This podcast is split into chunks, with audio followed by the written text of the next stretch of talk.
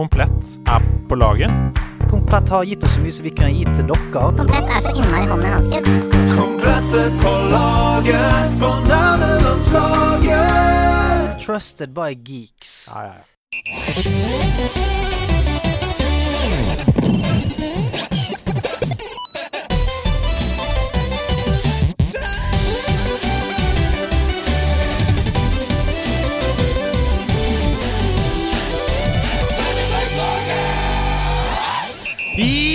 Har blitt raddis, han, mens så tok krakken og bare klaska han gjennom glasset og satt seg ned for å se og prøvde å finne leia der nerdelandslaget er. Ja, vi modifiserer denne dra krakken bort at glasset-vitsen til det kjedsommelige, men det er det jeg gjør! Det er introduk introduksjonene jeg driver med. Mitt navn er Sebastian Brynstad, og jeg gleder meg til å snakke litt TV-spill med dere i dag. Og for en gjeng som sitter foran meg her.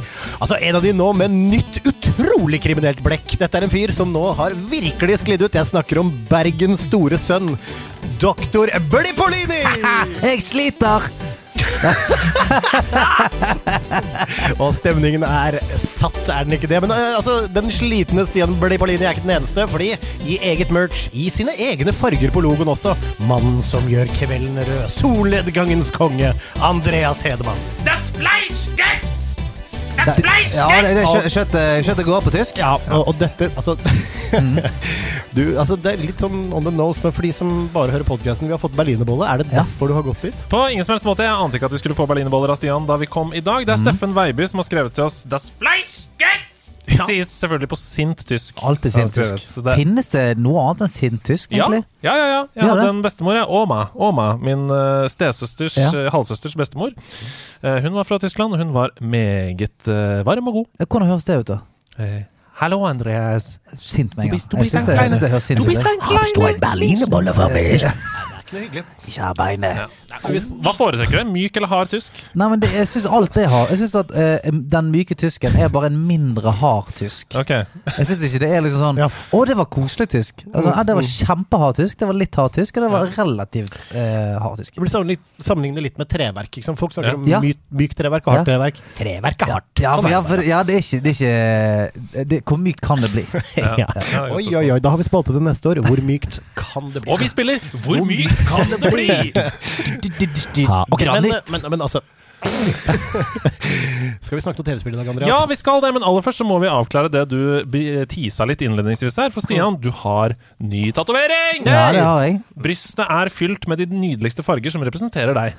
Ja, ikke ennå. Nei. Ikke ennå. Nei, for det er, ikke, det Eh, er, svart-hvitt. Det er svart-hvitt ennå, Ja, ja. men det skal på litt uh, turquoise. Uh, litt uh, rosa, litt gult. eh, det, for de som har spilt Tiny Tinas Wonderland, oh! det er Paladin, det er Paladin Mike sine farger. Jeg blir så okay. varm i hjertet. Mm. Okay, okay, ok. Så det er et slags eh, Jeg har laget på en måte mitt familieskjold om man skulle lage familieskjold i 2023, på en måte. Ja, ja, ja. Ja, som at en Gen Z-er skulle laget et familieskjold. Liten, også sånn Crest, da, eller, noe, Ja. eller, eller hva er det det heter for noe? Uh, arms, Keeper of Arms og Shielded Arms eller noe sånt. Jeg kaller det for en crest piece. Ja. Oh, Åh, det er altså så Takk sterkt. for meg.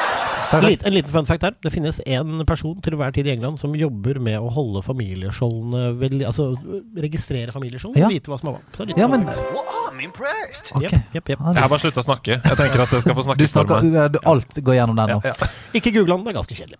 Ok, vi eh, Nei, men jeg, jeg, og ikke bare fått ny uh, chesspiece, men har fått manflu. Ja. Sant? Endelig. Ja. Kondolerer. Jeg, eh, jeg tar gjerne imot eh, selvfølgelig eh, postkort og, og bli, bli vel-ønskninger. Mm.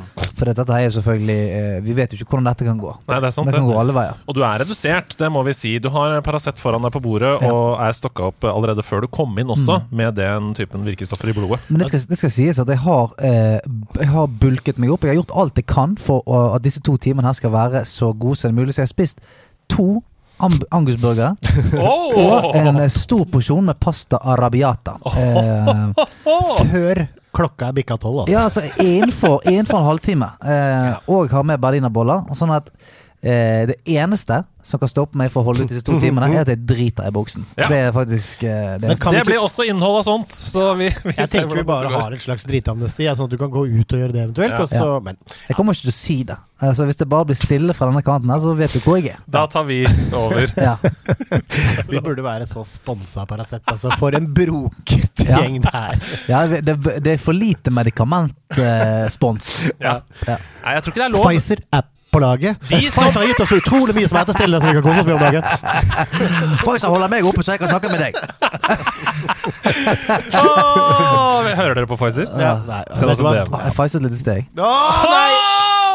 Nei, vet du hva? Vet du hva? Jeg er ikke redd for denne episoden. Jeg merker det allerede. Dette kommer til å sitte der. Åh, det er en stor glede og ære for oss tre som sitter her, og eh, alle de andre på nederlandslaget, å kunne dele den neste nyheten med dere. Det er 100% bare av dere som hører på, spillerne på laget, at vi har fått det til. I samarbeid med Nintendo Oh, yes. og i samarbeid med Bergsala så skal nerdelandslaget ha norgespremiere på Mario-filmen i hovedsalen på Colosseum kino! Vi skal ha norgespremiere på Mario-filmen! Ja, det. Før noen andre! Altså, det er jo bare på sin plass. Jeg syns det er på sin plass. Jeg syns det er helt sjukt. Ja, det er helt konge. Og De var de som tok kontakt med oss. Er dere keen på det? Eh, ja! Ja. Vi, må, vi må bli flinkere til å spille litt sånn hard to get. For jeg, eh, jeg også er med på det. Jeg er jo med på Team Ja. Vil dere være med på det? Ja. Eh, er det betalt? Eh, vi må være litt Jeg tror vi må vi, vi, eh, Det går tilbake til at min kone, da jeg åpnet eh, en, en, en eske med Halo eh, collectable shit, ja, ja. så sa hun, sa hun til meg jeg blir så lei meg for at jeg kan aldri gjøre deg så glad. Og det er så sant som det er sagt. Ja, ja. Åh, nei, så, det, må- så det er litt den greia her. Så vi, vi blir små barn igjen når vi får lov til å gjøre sånne ting som dette. Mm. Da blir vi barnslig glad. Onsdag 5. april klokken 17.00 så åpner vi dørene på Colosseum kino for spillerne på laget. Vi fyller opp sal 1 med nerdelandslagsspillere som får lov til å se filmen før noen andre i hele Norge. Det er så fett, det. Det er ikke bare rød løper, det er både rød og grønn løper. Ja! Selvfølgelig. For Selvfølgelig. både Mario og Luigi! Og du kan komme på den røde og grønne løperen, du som hører på, akkurat sånn som du vil. Du kan ha på deg joggebukse, du kan cosplaye Bowser, du kan, du kan, du kan gjøre absolutt, absolutt hva du Ja, vil. det er akkurat det. Og alt mellom, smoke, alt mellom smoking og undiken er grei. Ja. Uh, Stian og jeg, vi skal være der. Vi skal showe litt, si noen velvalgte ord. Kanskje lese et troféskap. eh, Gjøre noe hyggelig der foran scenen. Men det koseligste for oss Det er å si at til vanlig så koster jo en sånn norgespremierebillett som dette 225 kroner. Gjett hva det koster for spillerne på laget. Eh, 100? 350. 700? 700. Det er gratis. Er det gratis? Hey! Det er gratis! Ja, come an! Det er gratis for spillerne på laget! What The! Get in! Det er jo helt sjukt! Og det eneste du trenger å gjøre, Det eneste du trenger å gjøre Det er å gå inn på nerdelandslaget.no slash Mario. Eh? Nerdelandslaget.no slash Mario? Ja. Er det ikke verre enn det? Er ikke det den beste nettadressen? Jo, det er nydelig. Nerdelandslaget.no slash Mario. Ja, det er helt nydelig. Altså, altså, det er altså, altså Started from the bottom now. Here.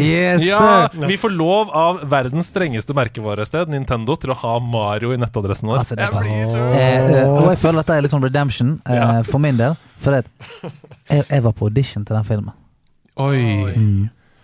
Det Fikk den ikke. Skulle du, skulle du være Peach? Det skulle være eh, et rør. Ja. Et rør. Skulle bare være, ja, det skulle bare være et rør. Ja, du er god på det, da. Det, altså, ah, ok, greit. Det, det ble en lang historie. Jeg lurer på hvem som fikk det. Det får vi jo se! Ja, ja, men- ja. Vi får se rulleteksten. Hvem som fikk rør. eh, ja. Vi skal sende på engelsk tale. Så Chris Pratt og gjengen. Ok. eh, Bare sånn at Det er sagt Det er ikke den norske talen. Ja. Det er norgespremiere på engelsk tale. Og Vi har jo en drøm, da.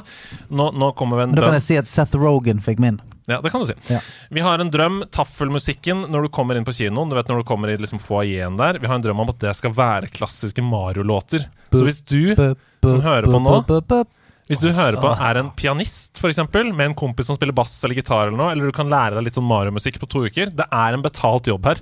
Er det? Ja, dette er en betalt jobb. Hvis du som hører på, eh, spiller litt piano, litt bass, Martin Herfjord eksempel, jeg hører, ser på deg, eh, send mail til nerdelandslaget gmail.com. Vi kommer til å ta kontakt med deg. Så kan det hende du sitter der. Mario Taffen. Na, na, na, na, na, na, na. Altså-. Å, herregud. Du må bare passe på at man ikke tar noe syre før man kommer, så man glemmer seg og begynner å løpe inn i vinduer og bilder og sånn. Det er jo litt viktig. Ja, hoppe i sånn. ja.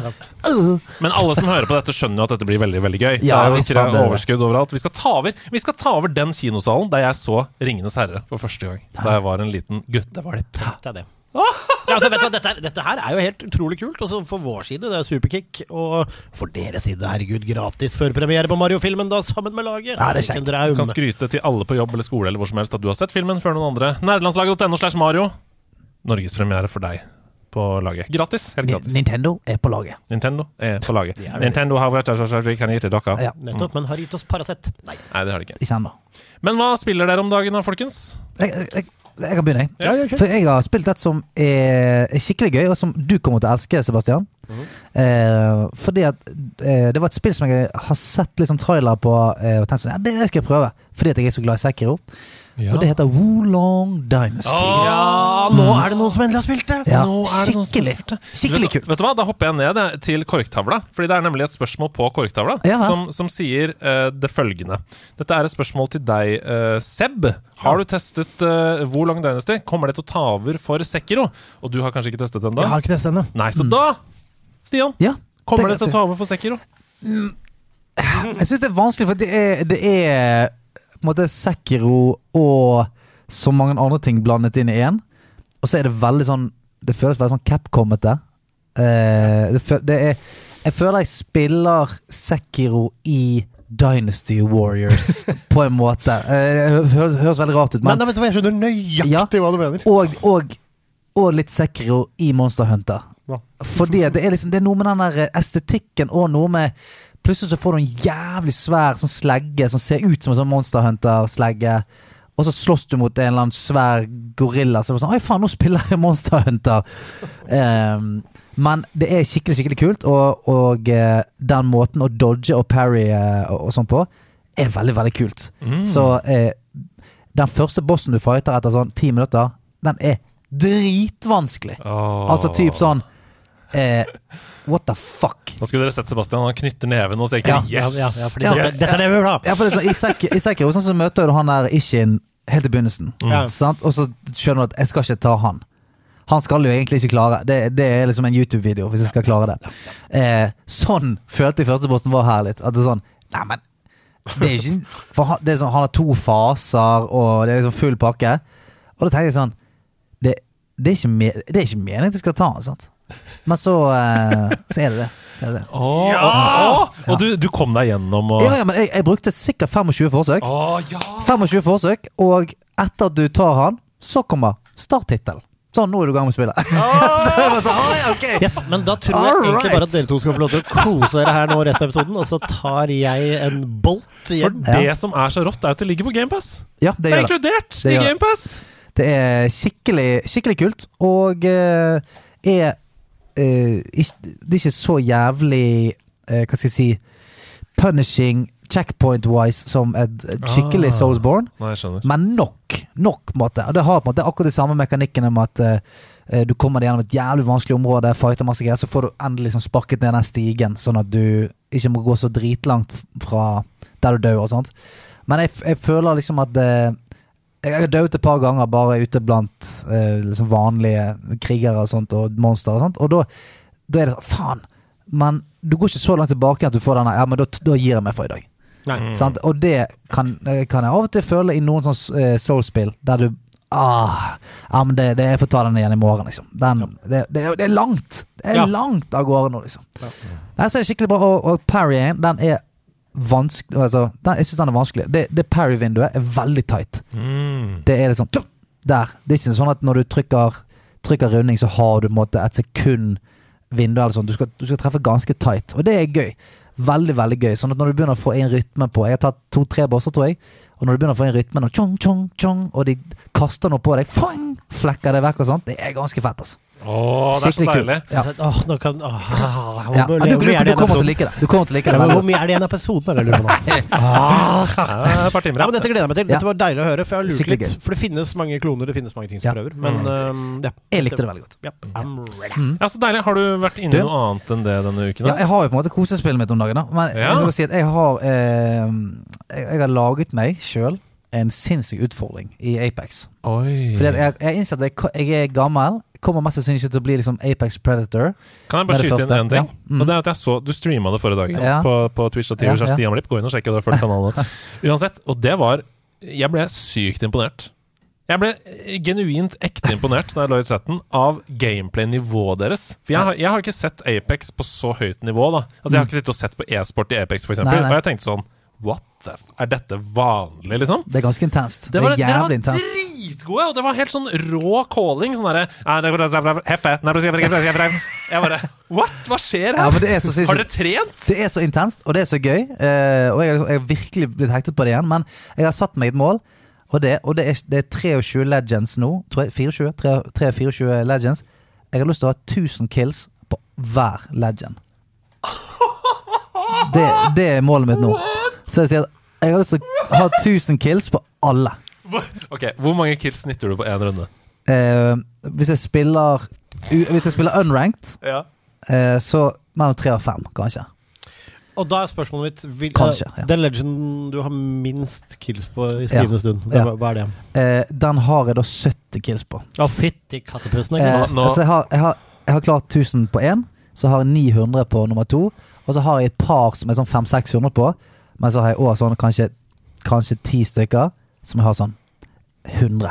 Vil du vite, Hvis du hadde begynt på null i dag, vil du vite hvor mange runder med Apex du må spille for å nå dette målet? Hvis jeg har mellom tre og 5 Hvis du har fire kills i snitt, Ja.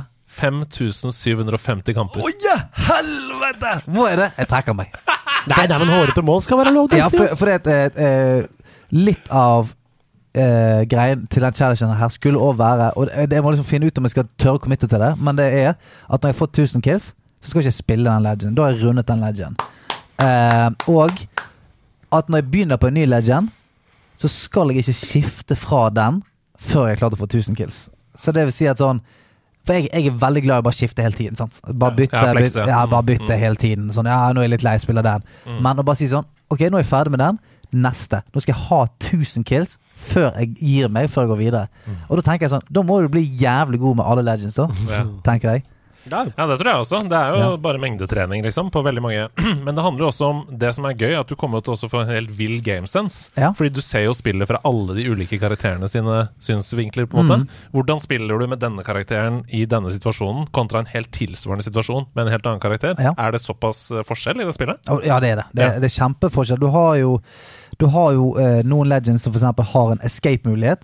Du kan spille Ja, ja. jævlig aggressivt. For med en gang du begynner å bli hit, så kan du på en måte eh, eksempel slags teleportere deg vekk. da Ja, ja. Sånn at du, du har et get out of the jail free card, mens noen har ingenting av det. Sånn at du bør passe til hvis du skal pushe inn. Da bør du være litt confident, for hvis du blir fanget, så er det ingen måte å komme seg ut på, eh, for eksempel. Og så har du folk som eh, kan resse utrolig kjapt, så du, den bør kanskje ikke være den som går først inn. Det sånn, hvis en blir knocket, så kan du bare istedenfor å sitte deg ned og resse i, fem sekunder, så kan du bare slenge ut en sånn drone som resser for deg. Mm. ja for deilig. Så det at den personen går ned først, er jo helt krise. Fordi at eh, den personen kan jo bare tjung, Sånn, og resten av deg mens jeg skyter på de andre. Mm. Resten av deg mens jeg skyter på de andre. Men det er jo utrolig det, Jeg blir jo veldig glad som en Mercy-spillende Overwatch-fyr her. Fordi Ja. eh, for en gangs skyld så er det et veldig sterkt insentiv da, for de andre på laget til protect the support. Ja, men eh, det er jo derfor det er så gøy å spille med venner. For spiller du eh, vanlig public matcher der du blir paret med to stykker, så er det ingen som kommer inn med sånn Ok, team, nå skal vi jobbe sammen. Alle er bare sånn Ikke ødelegg for meg. Ja, ja. Eh, ikke ødelegg poengene mine. Det, er, det er lett å ranke. Ja, ja altså det er derfor du, eh, jeg, spiller, jeg har sluttet å spille ranked uten venner. Fordi altså. at du kommer inn, og så er det ofte bare i flyet Så er det en fyr som bare sier sånn Fuck, fuck you. Og du bare ok, kult. Dette blir, dette blir en kjempekul eh, kamp. og, så, og så marker du stedet, sted, så, så lander, så er det en fyr som bare sånn Jeg gidder faen ikke lande der. Så lander bare i en annen by, blir Nei. drept, sitter og, sitter og banner på komstene hele tiden. Ja, Så eh, derfor eh, kan det være greit. Men det er i hvert fall målet mitt. ja, men altså, det er et hårete mål. Mm. Andreas, har du nå et mål om å ja, altså, arreste 10 000? I, Jeg har et mål om å heie på Stian i Ja, hele ja. prosessen. Å, wow, det skal vi I alle de 5000 kampene skal jeg heie. Det er mitt mål. Og det, det, er det er 5000 kamper hvis jeg har fire kills hver kamp. Men du, har, du må huske at du har en headstart. da Det er jo noen heroes du har tatt ganske mange kills på. Ja, ja, ja. Så Jeg det, tipper jeg har 10 000 kills. da. Ja, Ja, men så det er bra, da. si det 3900 Nei, 4002, hvis du har 10 000 kills, så er det bare 13 000 kills igjen. da Gjort på, gjort på en kveld. det. Ja, cirka halv Ja, det kan det fort være. Ja, gjort på en kveld. Ja. Er det uka di? Spilluka? Eh, jo Du Jeg syns den er imponerende. jo, det, du, eh, jeg begynte, og det har, har ingenting å si ennå, for jeg begynte å spille Atomic Heart. Å ja. Eh, Som er denne FPS-en eh, si, Russland. Russland-FPS-en. Minner om Bioshock kanskje litt? Ja. Ja.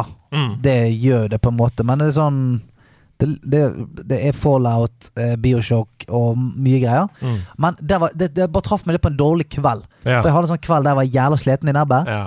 Så hadde jeg det sittet ned, så startet jeg det. Og så liksom allerede liksom på åp åpningen så var jeg sånn Å, dette er litt, Det er tungt, litt ja. tungt for pappasan i dag, liksom. Det er litt grann tungt. eh, så lastet jeg ned og, altså, Imens jeg kjente på at det var tungt, så lastet jeg ned Hi-Fi Rush eh, på siden der.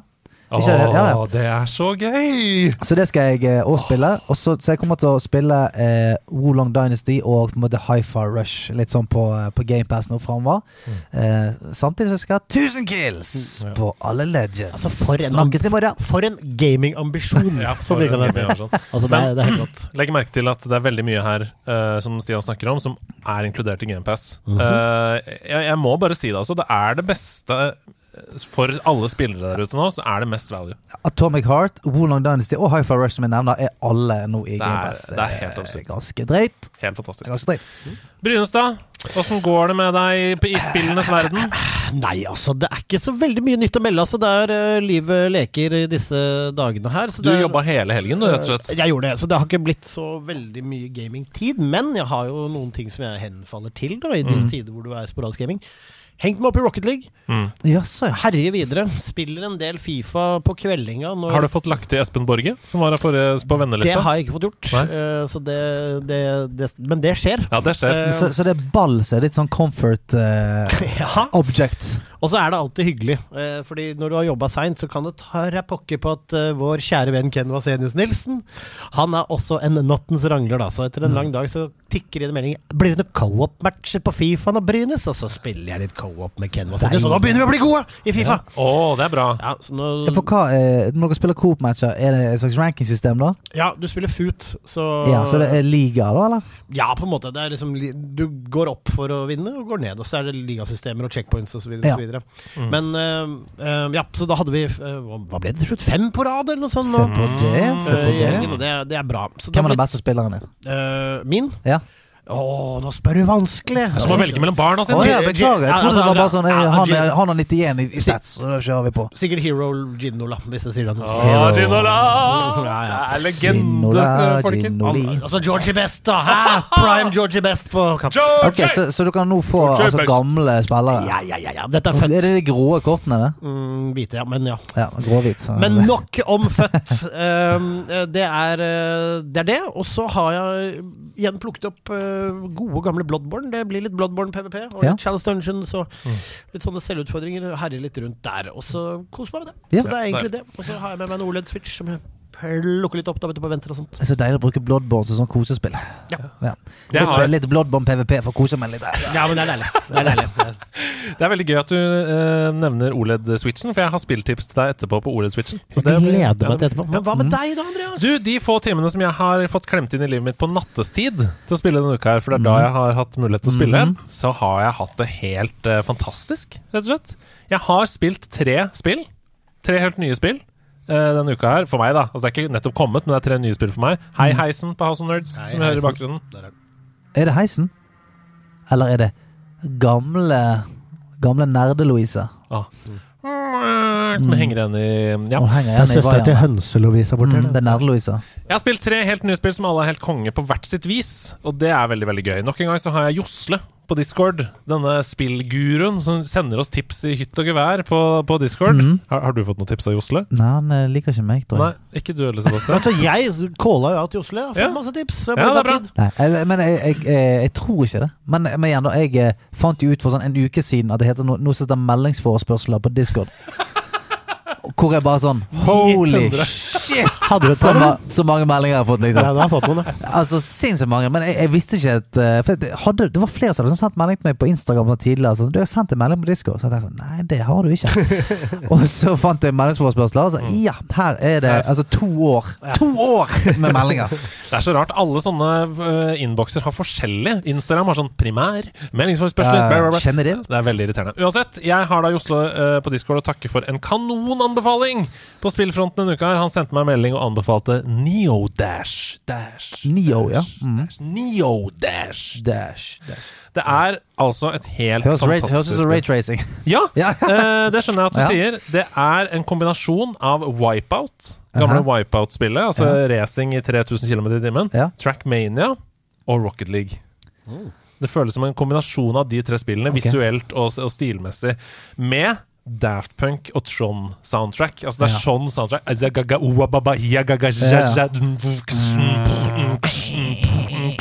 Sånn.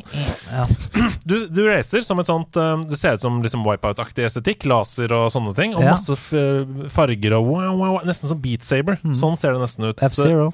Ja, og så racer du i en bane, og så er det en vegg som kommer bak deg hele tiden og dreper deg hvis du ikke kjører fort nok. Og Det betyr liker at, jeg. ja, ja, og det, det er liksom høyoktan. eh, Veldig lett hvis du dør. Bare prøv igjen med en gang. Uh, respawn med en gang. Oh, ja, Um, altså det ikke, du kjører ikke mot folk? Nei, du kjører mot banen. Ah. Altså, uh, når du har klart en bane, neste bane. Klart en bane, neste bane. Ikke sant? Det er, det er utrolig avhengighetsskapende. Sånn her Jeg må bare ha én bane til. ja. Så introduseres det stadig litt flere og flere mekanikker. da F.eks. lengre hopp, der du kan hovre over hoppet. Til neste. Er vi enige at det burde vært eh, en greie i Mario Kart òg? Mm. At vi fjerner sånn Du er på tolvteplass, her får du en kanon som gir deg på førsteplass. Nei, vi har den veggen. Så hvis du henger, hvis du henger og, sladrer baki på tolvteplass, så, blir- så blir du spist. Da blir du spist av veggen. Eller Bowser, eller en, Et eller annet. et eller annet. Drit i det at all- tolvteplassen kan få, uh, få komme seg på førsteplass med den der kanonkul kanonkulen hele jævla tiden. Ja, eller det blå jævla irriterende Ja. skallet. Det eneste sisteplass bort er å ødelegge for han som lå på Ja, ja, ja, ja. Faen, for noe piss! Eller når du får det åttetallet, og du bare får alle tingene i hele spillet. Kan bare stjerne på Ja, ja. tre røde skall, blå skall. Ja. Nei, men jeg tenker at eh, det kunne i hvert fall vært en egen mode. Hei, Nintendo. Nå, Ja. nå er dere på laget. Ja. Vi skal ha Mario-filmer sammen. Eh, Kan dere lage en egen Mario Kart i, i Mario Kart 9? En, en egen mode som er deathmatch, liksom? Hva heter den der uh, chomperen? Er det chomper? Ja. Den, eh, Ja. den som kommer den, den, den, Chain den, jump, ja. Ja, det løper bare en sånn uh, pack of chain chompers. Eh, sånn, at, sånn at når du Nå snakker vi spillutvikling! ja, så når du sitter Når du, når du begynner å sakke litt akterut, så hører du den Og så og kjettinger. Kjettinger som bouncer. For å gjøre det ekstra skrekkelig, så kan du legge til så du kan trykke på liknapp, knapp, så kan du se i speilet. At bare, Ah, sånn som i Gran Turismo! Ja, men, men det er litt sånn nemlig i Neodash også, fordi det begynner sånn Danger, danger, danger, danger, danger. Du merker det liksom i nakkehåret at den veggen kommer nærmere. Ja. Så må du bygge deg opp boost, du må, du må liksom uh, sladde gjennom svinger for å få boost og sånn. Det er dritfett! Det eneste er at det er jo veldig mange inntrykk, da.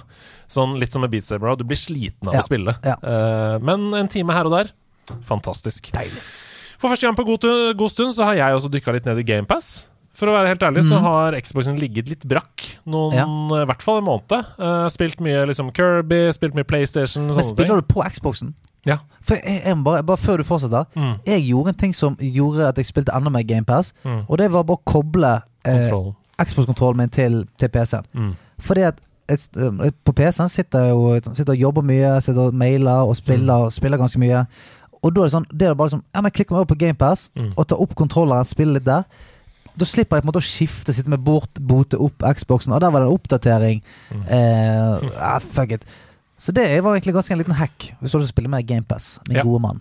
Nei, men jeg har, eh, jeg, jeg har jo også en håndkontroller kobla til PC-en oppe. Ja. Jeg spiller noen spill der også, f.eks. Neodash. Ja. Spilte jeg på PC-en med, med håndkontroller. Det koster for eksempel, forresten 40 kroner på Steam nå. Vårsalg. Neodash. Det er salg akkurat nå. Mm. Men um, jeg åpna Xboxen min, og det første jeg gjorde, var å sjekke ut remasteren av Hold dere fast Golden Eye 2007. Ja, 2007, faktisk. Golden Eye 007. ja, ja jeg, skjønte det veldig med det. Det det spillet. Jeg, jeg det ikke. Nei, Golden Eye 007, det gode gamle spillet på Nintendo 64. Og dette kommer nok til å være sjokkerende for dere, folkens, men det er dritbra. Det er Dritbra. dritbra. Er dritbra. Det er et dritbra skytespill. Altså, det er det gjenskapelsen av det originale, the OG. Det er absolutt the OG, og jeg trodde det hadde klikka for meg. Altså Da jeg spilte det og tenkte sånn Faen, det her er dritbra. Jeg tror det klikka for meg. Bare sånn Ok, du har nostalgibriller. Ja, ja. Dette er eh, kjelleren til Magnus Bea, liksom. Du sitter der og koser deg. Mm. Nei, nei. Jeg, jeg har funnet tre anmeldelser av dette spillet på nettet. Det er ikke så veldig mange som har anmeldt det. Men tre anmeldelser. De gir 80, 89 og 100. Oh, snap. Ikke sant? Oh, snap. Begynner du i taket på dassen til han fyren og Ja! Er Ja! det der, Det liksom? er det originale spillet! Og det, det kuleste med det Jeg spilte gjennom Dam, ikke sant? den gode gamle Dam-banen. Hvor du må hoppe, hoppe i strikk fra, fra Ja, det husker man som spektakulært. Ja, Hvis du spiller Nintendo 64 igjen, det er ikke så stille som du husker. Det er helt riktig. Men det kuleste med det, det er at det, det er ingen som sier at du skal gjøre det. Det, er ingen, det er ingenting i spillet som sier 'bungee jump from the dam'. Det er det ingen som sier. Så uh, da, jeg fant, da vi fant ut det da vi var kids, at du skal faktisk gå utfor kanten her og liksom dø For det er jo det som skjer. Du faller ut bare, og så cuts inn. Wow. Da var det et stort øyeblikk. Men jo, jeg kommer inn der, plukker opp en klobb, plukker opp de forskjellige eh, våpnene. Og alt er så utrolig mye mer intuitivt enn det var på Nintendo 64. Jeg kan sikte med R2, nei L2. Jeg kan skyte med R2 bakpå der. Eh, du kan uh, sniperrifle, zoome inn med høyre stikke. Alt er som det, et normalt skytespill.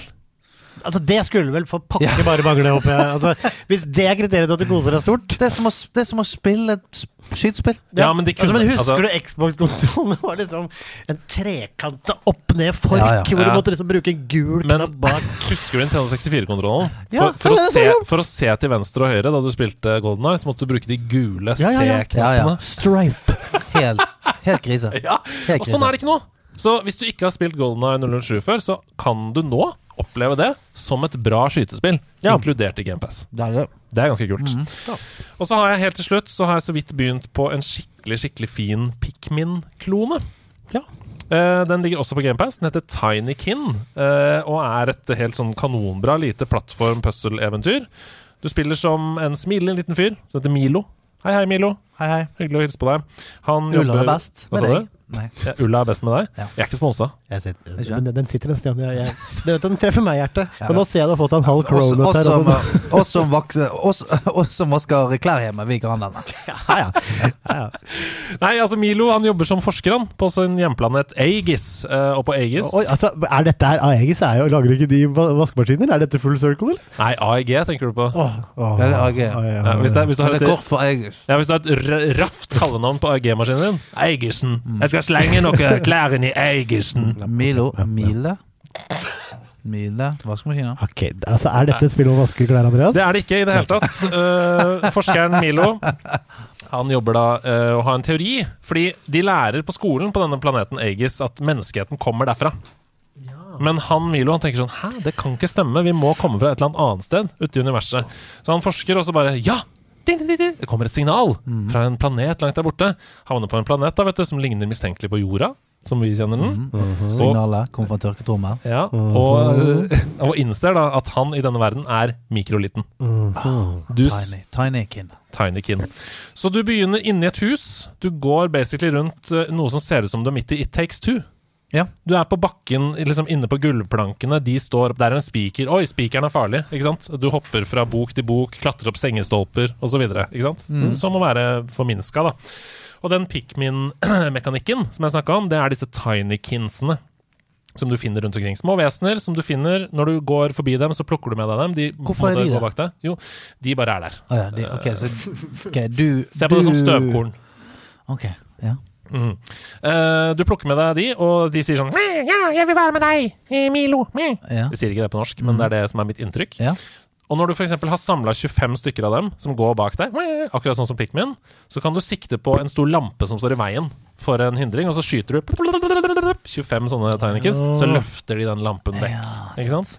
Så det er det puzzlene går ut på. Da. Og det er, det er vanskelig å forklare hvor digg det er å spille det. Jeg tror ikke det kommer helt gjennom i lyd når jeg snakker om det nå, hvor digg det er å spille.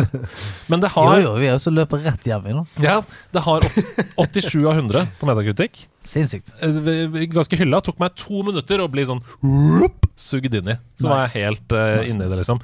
Det er et avslappa, kjempegøy, supertight plattformspill, rett og slett, med smoothe kontroller. Og tvisten er at du finner ut på slutten at du er et dødelig virus som skal drepe menneskeheten. Åh. Nei, men det som, grunnen til at jeg ville trekke det fram, og grunnen til at jeg Ja. også ville spille det nå, det er fordi Pikmin 4 er jo rett rundt hjørnet.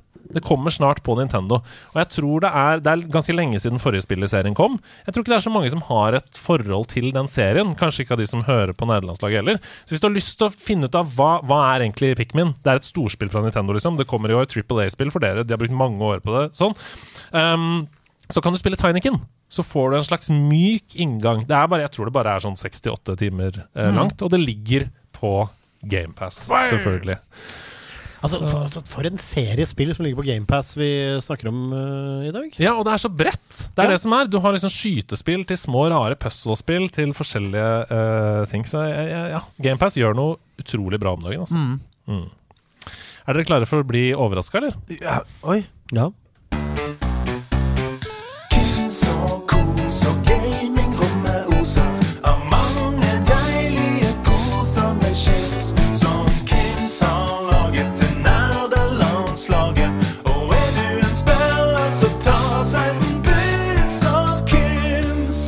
Ingen singing coons. For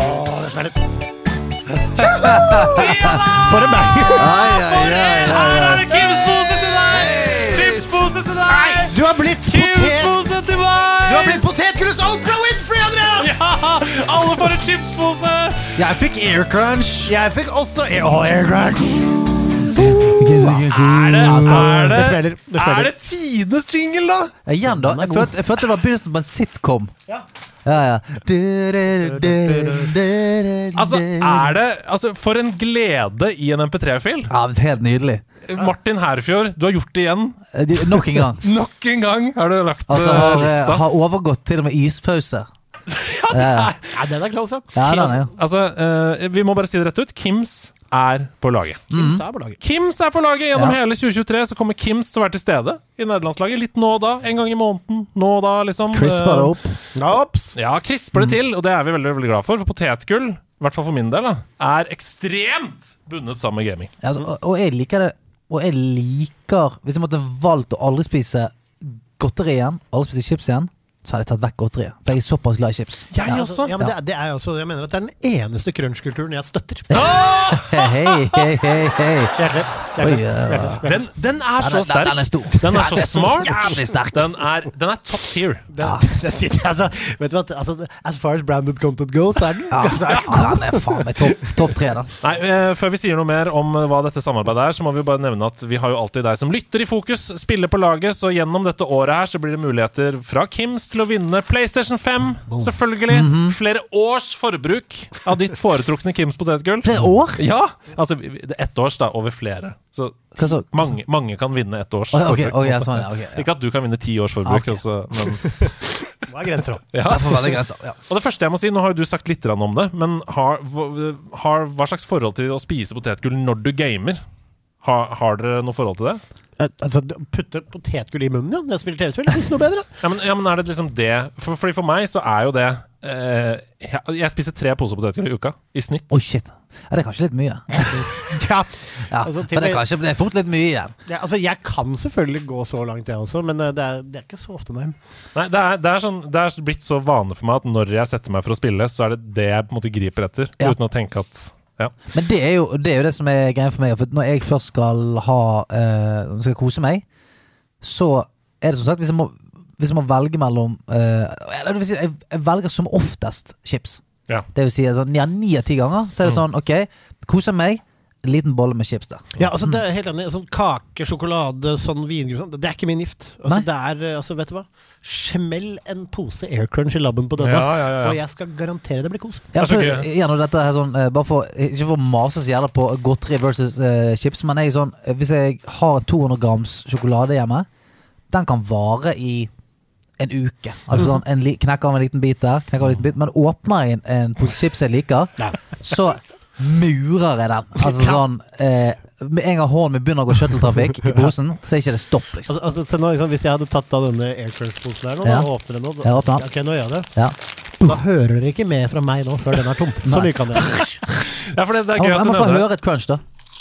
Ja, ja. Ah, ASMR! Nei, men Vi har jo alle fått eh, hver vår kasse med Kims i Ja. forbindelse med dette. Vi kunne, vi kunne velge hvilke smaker vi ville ha. Hva var det du valgte? Mexican fiesta.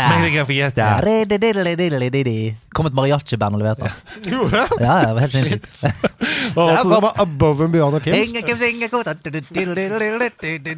Kims, og kos og gamingrommet oser. Sitter for hardt! Den er god. Nei, men Hva er det eh, oser av, tenker jeg? Er det stank? ja. Nei, men um, du, du tok Air Crunch. Ja, Aircrunch! Aircrunch! Det er det beste! Fordi det er det jeg skulle si.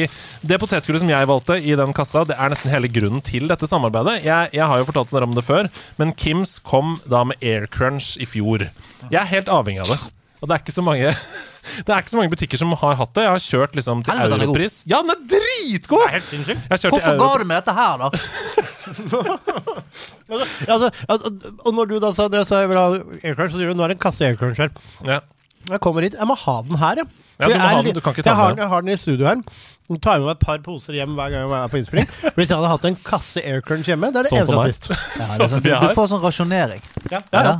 Jeg, jeg kan si det på en annen måte. Jeg hadde en kasse Air Crunch Oi. eh, hjemme. Jeg har ikke så, ikke så mye Air Crunch igjen. Nei. Hvor mange, har du tid fikk du den? For en eh, halvannen uke siden? Og du, hvor mye er det igjen? Vær ærlig nå. Hvor mange poser er det igjen? Det er halve kassa, tror jeg. Er det? Helvete. Du kjører, du. Du kjører på. Nå ble jeg svett. Men altså, det er Men Air Crunch altså, Dette høres sikkert ut som det er helt sinnssykt sånn Sponsa. skryter Ja, ja. skinnet. Nei, nei. Air Crunch Jeg vet ikke hva det er. Nei. Jeg vet ikke hvordan Det er lagd. Det er noe mais, det er noe blanding av sombrero som Ja, det, er det er driting. Det er Det er helt Ja, det, er, det er som om noen bare har gjort sombreros bedre. Ja, altså, det, det, vet du hva? Altså, og konsistensen på det.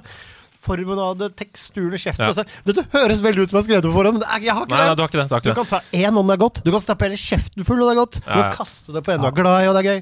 Og jeg kan bare si det, eh, dette kan du også oppleve. For aller først i dette samarbeidet så skal vi også gi bort ett års forbruk av ditt valgfrie Oi! Kims potetgull. Så hvis du har lyst til å være med i den trekningen, så går du inn på det Instagram- eller Facebook-siden vår, og så følger du oss, og så kommenterer du 'Ingen Kims, ingen kos' på denne ukas episodeinnlegg. Altså Yes. bilde av Stian og uh, Sebastian og meg, da, som Ja. kommer ut uh, Som er ute nå, når du hører på denne episoden. Yes. Rommet Ja, skal vi høre på den en gang Ja, til? jeg, Jeg jeg, det jeg, jeg skjønner.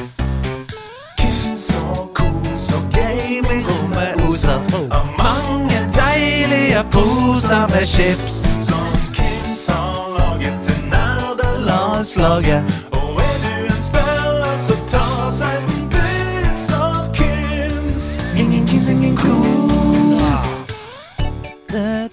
Altså, Mesterverket her er å jobbe inn gonga, gonga, gonga i melodien. Det er helt rått, ass! Altså, før i- Før i tida så var det jo blodpopulært med sånn Hvis det var noe som var populært på TV, så fikk du sånn Moti Brester-chips og sånn. Ja. Så vi kan få en sånn nerdelandslag i Air Crunch som bare er akkurat det samme, bare det er sånn ti ganger så stor pose. Ja, sånn, ser ut som en fucking beanbag. Henrik, Henrik i Orkla, Kims. Vi ser på dere. Ja, vi, vil ha, Eh, vi vil ha ti limited edition fucking beanbag-sized poser med Air Crunch. Boom! Ha med, ha med dag. Hey, hey. Ha med, ha med dag. Ha med ting etter ditt behag. For det er ha med dag. Har jeg med bakverk? Eller bare noe makverk? Har jeg glemt det i dag? Har jeg med en gammel sag? En ting er sikkert, det er at jeg pleier alltid å huske det. Men så jeg glemmer det fordi jeg er en glemsliten faen fra Nordstrand med 900 unger og nothing to lose. Jeg har ikke glemt det, men jeg har ikke med en fysisk ting.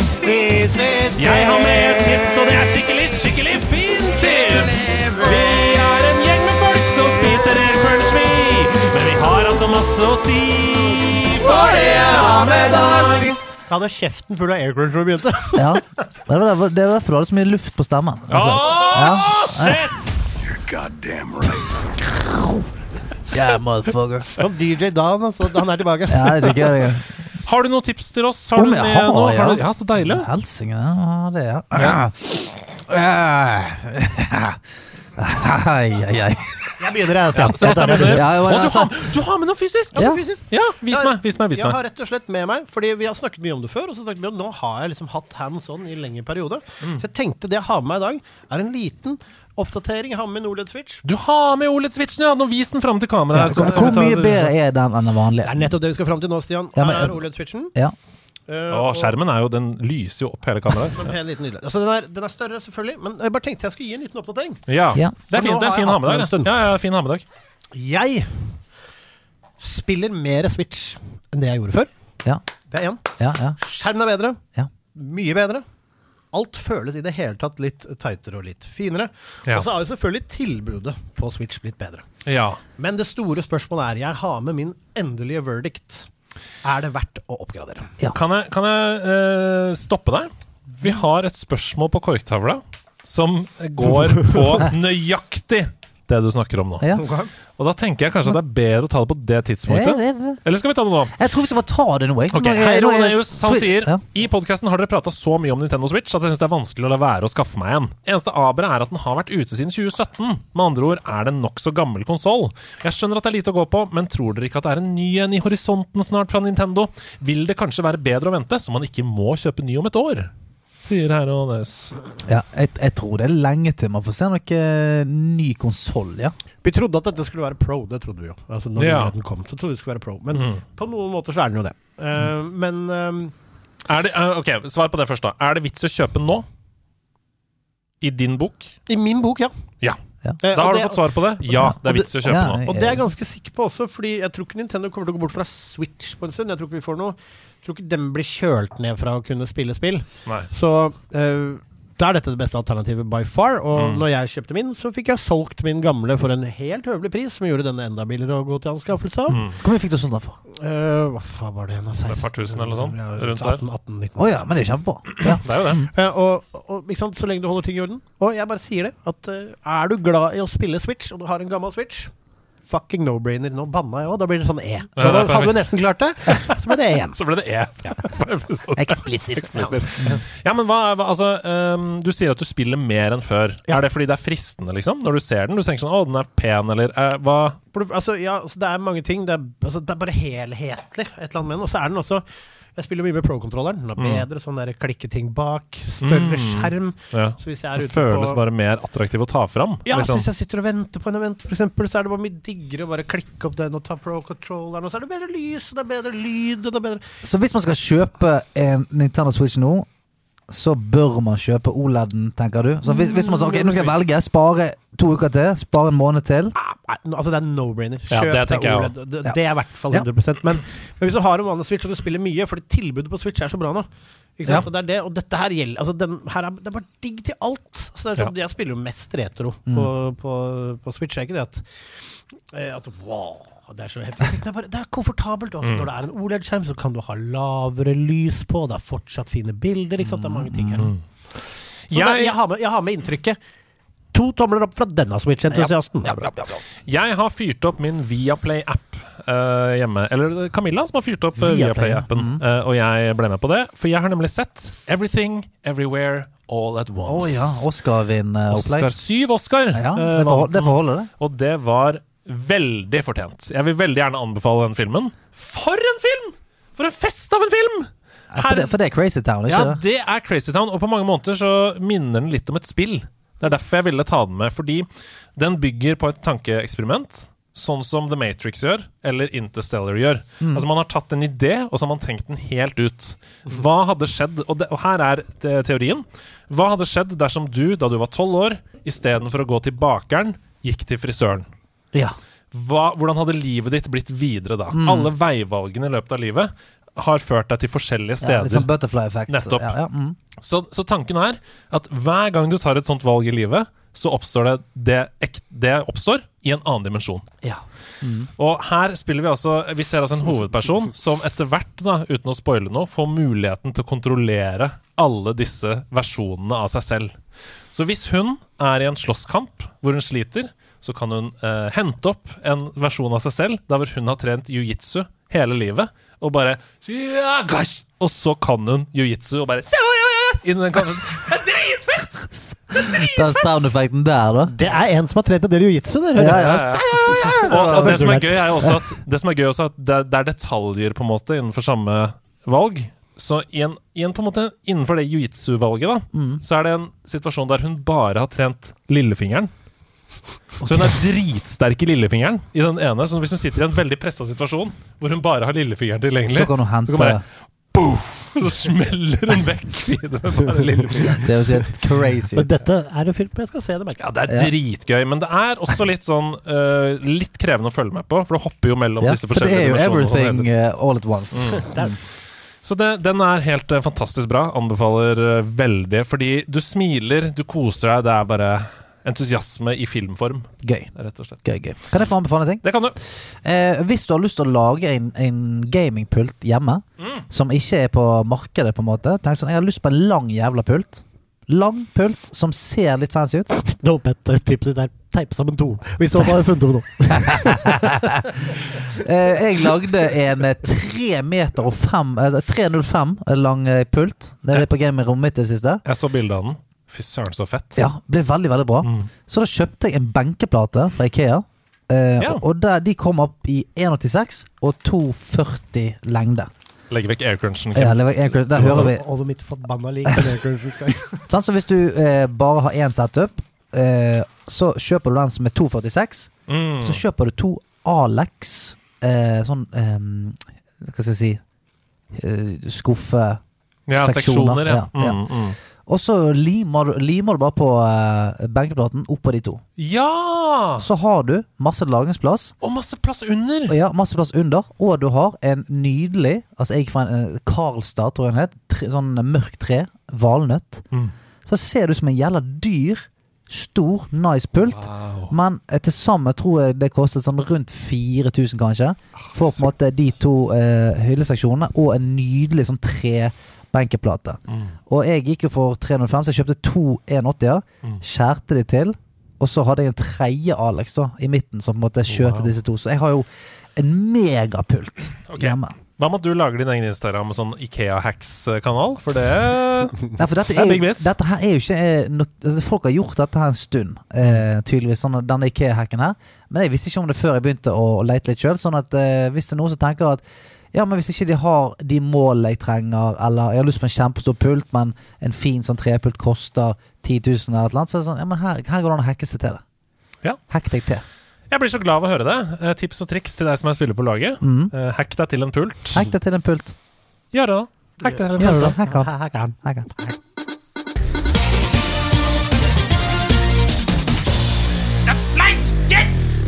Mitt navn er Andreas Det Hedman. føles så på kanten, Og dette her er Nerdenytt.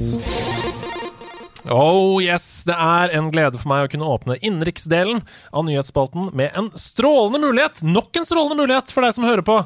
Rett og slett. Enda mer. Ja, for House of Nerds skal nemlig også i år, som i fjor, gjennomføre sommerskoleopplegg for en hel gjeng med spillinteresserte og koselige barn. Så det er altså sånn at vi i nederlandslaget vi har utvikla et kursopplegg som heter Spill deg smart. Det er laga for en liten gjeng med 20 ungdomsskoleelever fra 8. til 10. trinn. Så det er jo ungdomsskole, altså dette er jo mennesker du kan ha en Det er ikke barn, de er ungdomsskoleelever. Eh, og skal da ved hjelp av spill som Life is Strange, Assassin's Creed, GeoGuessr, masse mer, gi elevene muligheten til å lære, reflektere, ha det gøy med spill i en hel uke fra mandag til fredag. Det, det er på en måte opplegget. Disse kursene de går i slutten av juni og begynnelsen av august. Og her kommer kickeren. Vi trenger deg som hører på, til å lede dem. Ja, vi trenger mentorer. Vi trenger eh, kvinner, menn som har Altså, kursopplegget det er jo allerede laga, sånn som jeg sa nå. Hver eneste dag med program er klart. Du bare får det i hendene dine. Alt du trenger å være, er en spillinteressert pedagog, ja, en sensei. rett og slett. Trenger sensei. Nettopp. Som har tid da, til å gjennomføre enten én uke eller flere uker i slutten av juni eh, eller starten av august. Og det er selvfølgelig betalt arbeid. Dette er jo en jobb. Mm. Eh, som en helt vanlig annen jobb. Det er jobb. Det er jobb. Like, kan, fortell, eh, fortell litt om dette jobbgreiene. Hvordan fungerer det? Er det sånn at du utfører noe, så får du betalt for Ja, det er akkurat det. Er Og det det, sånn? kommer, og det er veldig fleksible arbeidstider. Du begynner klokka ti og er ferdig klokka tre, og det er veldig deilig jobb. Får man betalt i pose med mynt? Nei, du får betalt i Kims Air Crunch. Nei, det er, det. Sign me up, sensei! Nei, det er eh, en helt vanlig jobb. Så hvis du syns det høres gøy ut, ønsker deg en ekstrainntekt i sommer, så kan du sende søknad til hedemann at houseofnerds.no. Eh, vi ønsker oss i utgangspunktet da søkere med pedagogutdannelse, men relevant erfaring. Altså Hvis du har jobba med lignende ting, eller uh, vært i b- b- barneskole, vikar eller sånne ting, så kan det også i høyeste grad være aktuelt. Mm. Er ikke det rått, da?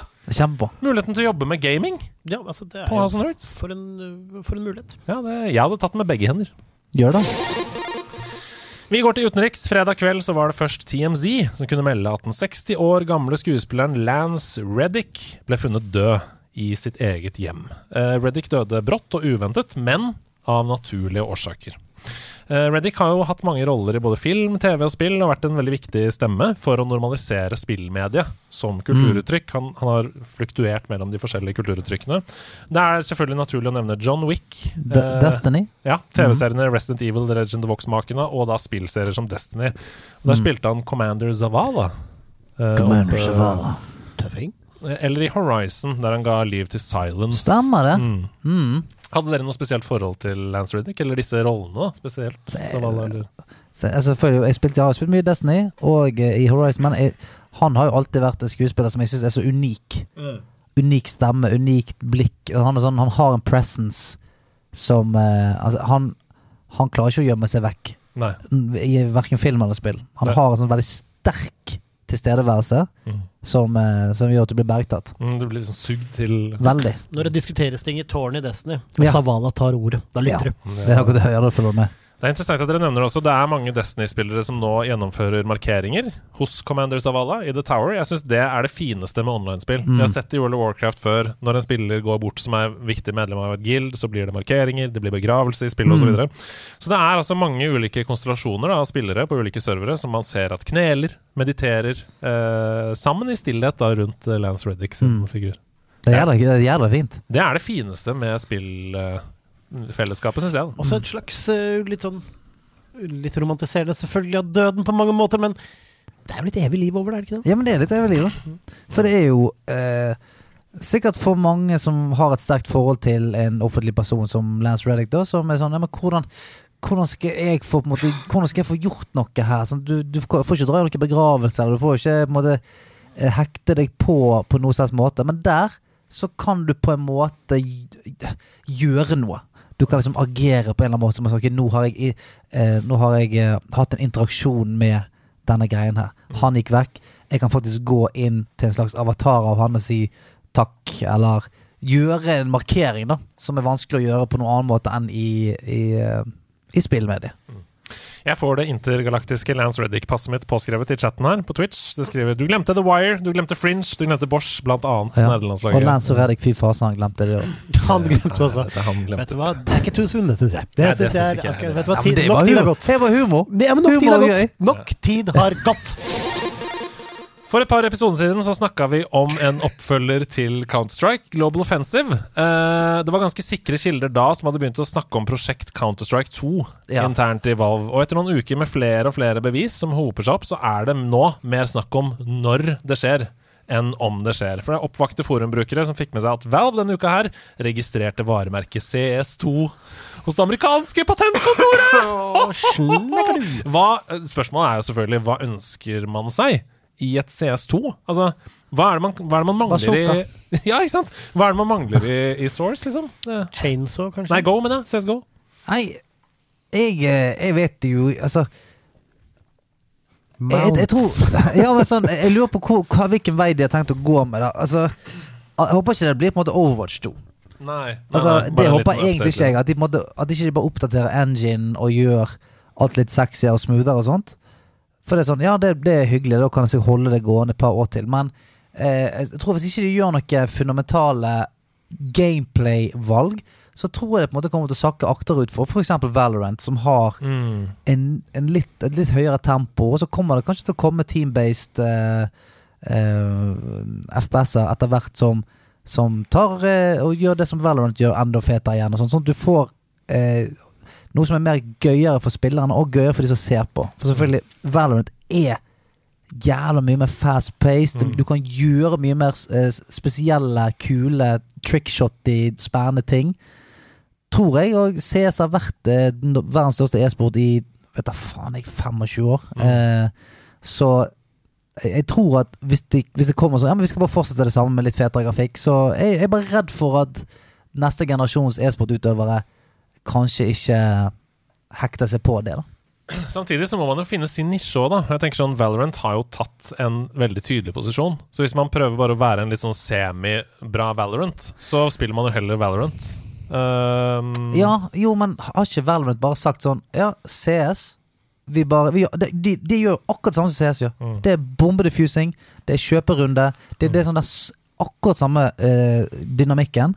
Det er runder. Mm. Eh, man taper penger, man må kjøre ekorunder, man må Mm. eh, holde vinkler. Man må, altså, det er akkurat det samme, bare eh, hero-basert, på en måte. Ja. Eh, så jeg, jeg føler på en måte ikke at, eh, at de kan Det er ikke sånn at de holder på nisje, føler jeg. Nei. Eh, Nei, det er bare Det er en del bekymrede e-sportsutøvere som sier sånn at noe av det jeg liker best med CS, er at det nettopp er så basic, Ja. på en måte. Så, men jeg er helt enig, de må gjøre noe, fordi man kan ikke bare ri på en sånn Altså, det har jo World of Warcraft sett også.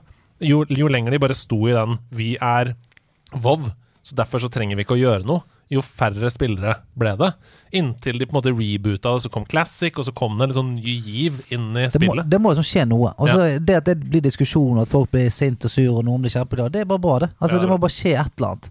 Enig. Ja. Utviklerne av Final Fantasy 16 De avslørte denne uka her at det vil ta spilleren omtrent 35 timer å komme seg gjennom spillets historie, og ca. 70-80 å gjøre alt i spillet. da Det skriver IGN. Og I et intervju med Famitsu så sa regissør Hiroshi Takai og produsent Naoki Yoshida at Final Fantasy 16s historiemodus er laget for å ta hensyn til at spillere har travle liv utenfor gaming. Det er meningen da at spillere som kun har mulighet til å spille Main Quest og kanskje et par Sidequests, også skal kunne komme seg gjennom spillet. Så de sikta først da de begynte å lage det, på 20 timer innhold, men de følte at de ikke klarte å fortelle historien tilstrekkelig godt uten at det ble 35 timer.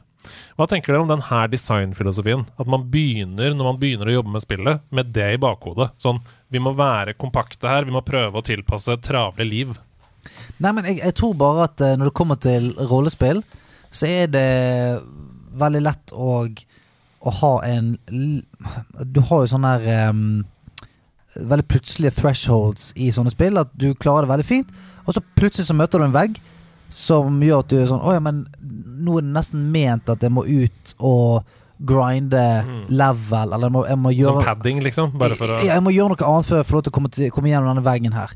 Uh, og da, hvis det kommer 15 sånne vegger da, før du er ferdig med, ja. med spillet, så får jo, tror du mister en del på veien. Mm. Fordi at eh, nesten alle sånne rollespill jeg har, jeg har spilt, så kommer det ganske Du spiller de la oss si seks første timene, og det går veldig fint, og så begynner du å møte disse. Og shit, denne bossen her Det gikk fra at den forrige bossen klarte helt fint, til at nå slår jeg meg to ganger, så er alle sammen døde. Hva faen gjør jeg nå? Nå må jeg, liksom, nå må jeg gjøre noe Ja. mer. Ja.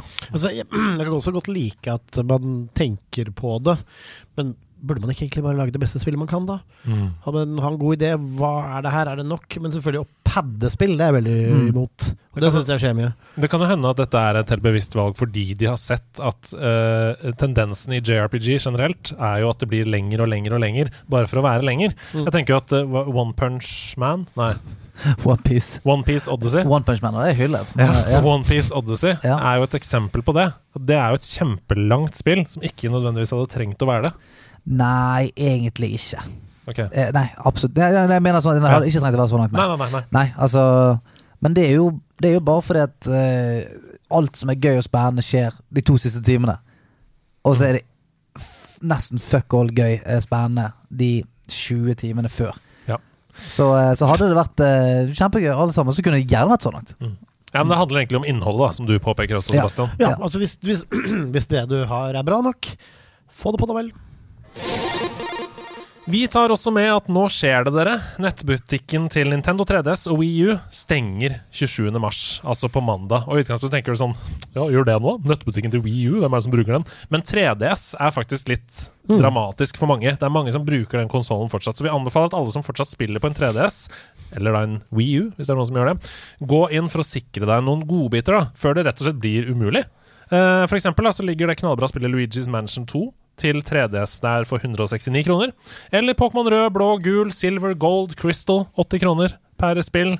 Eh, hvis, du, hvis du spiller 3DS, så har du bare til mandag. Så er det borte for alltid, med mindre du får tak i det fysisk. Jeg syns det er det er veldig leit. 3DS-en er for tidlig. Ja, jeg syns også det. Gå på, høy, inn på høy tid. på høy tid, faktisk.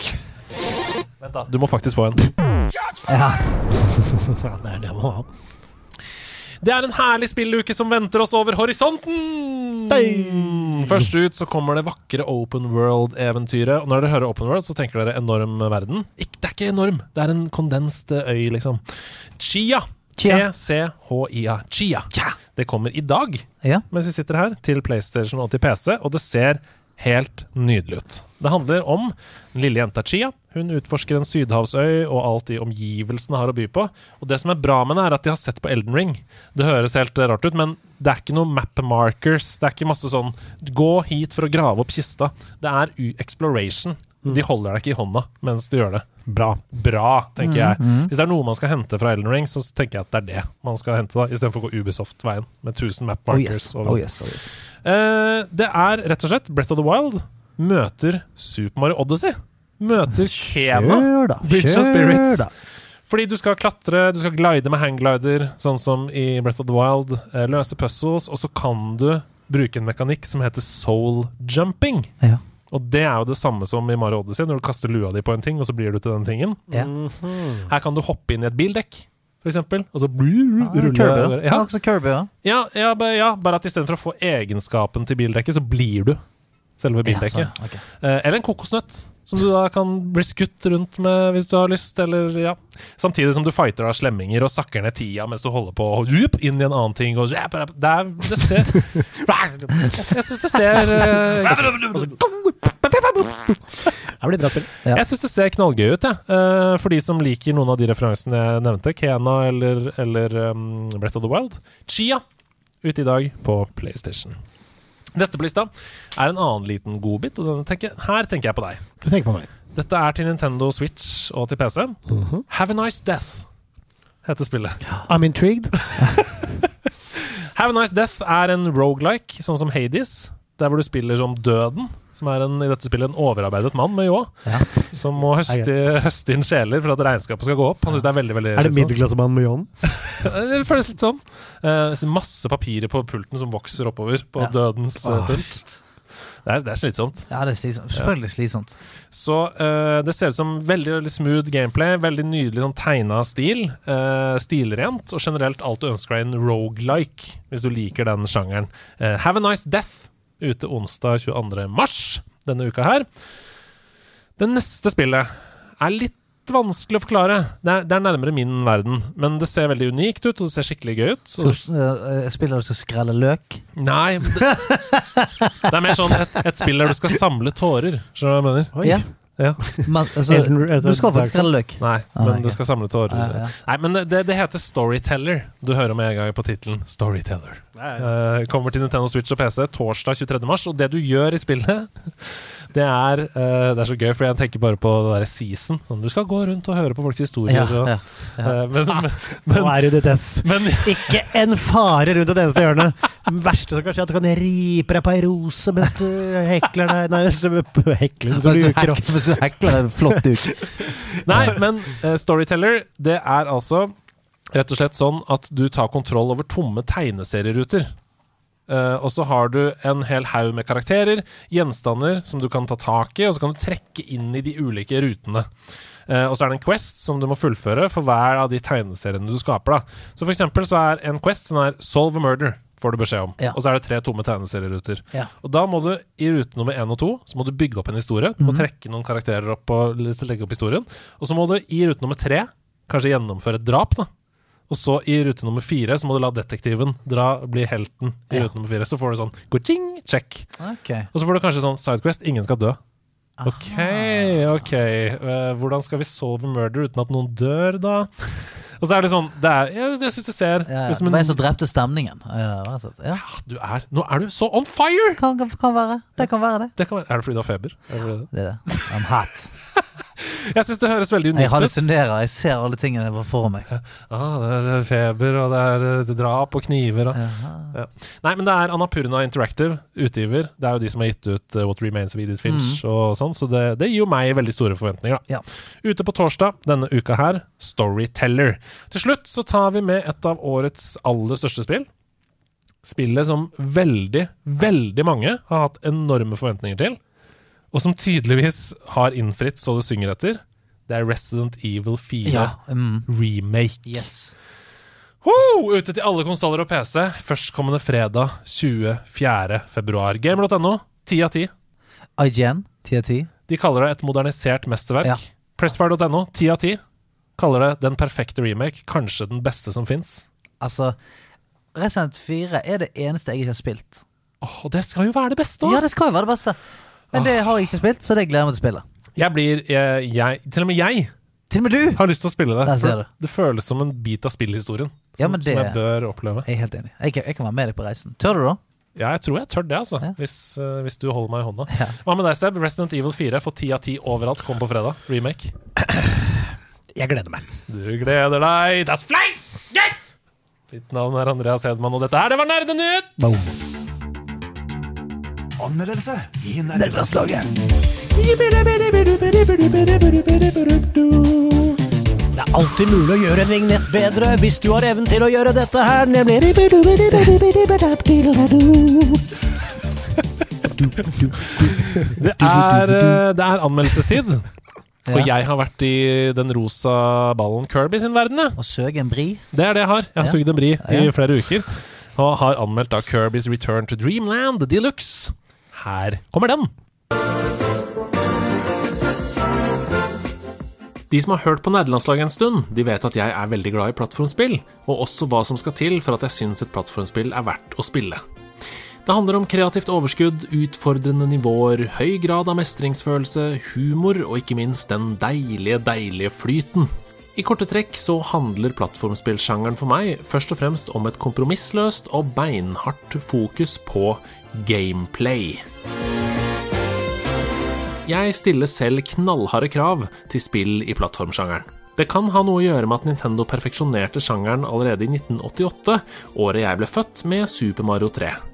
Spillselskapene har med andre ord hatt 35 år på seg til å utforske og eksperimentere med sjangeren, og skal med andre ord ha kommet fram til en oppskrift som er så bra nå at de aller fleste plattformspill bør kunne få 60 av 100 i score, nesten uansett.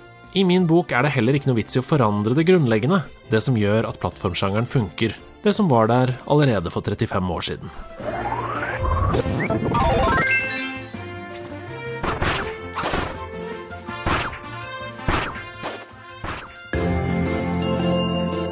For de som ikke kjenner Kirby-serien fra før, så er altså den unike vrien på plattformsjangeren her at du kan spise fiender, svelge dem og arve deres evner. Spiser du en mekka-fiende, så kan du selv bli til en OP Mekka-Kirby som flyr rundt. Spiser du en cowboy, så blir det umiddelbart pisketid, som om det var fastelavn.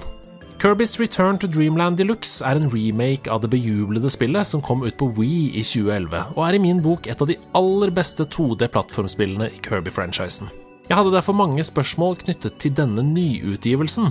Svarer det nye innholdet til forventningene? Har de oppdatert kontrollene til 2023-standard? Er denne utgivelsen egentlig nødvendig? Heldigvis så er svaret et rungende ja på alle spørsmålene.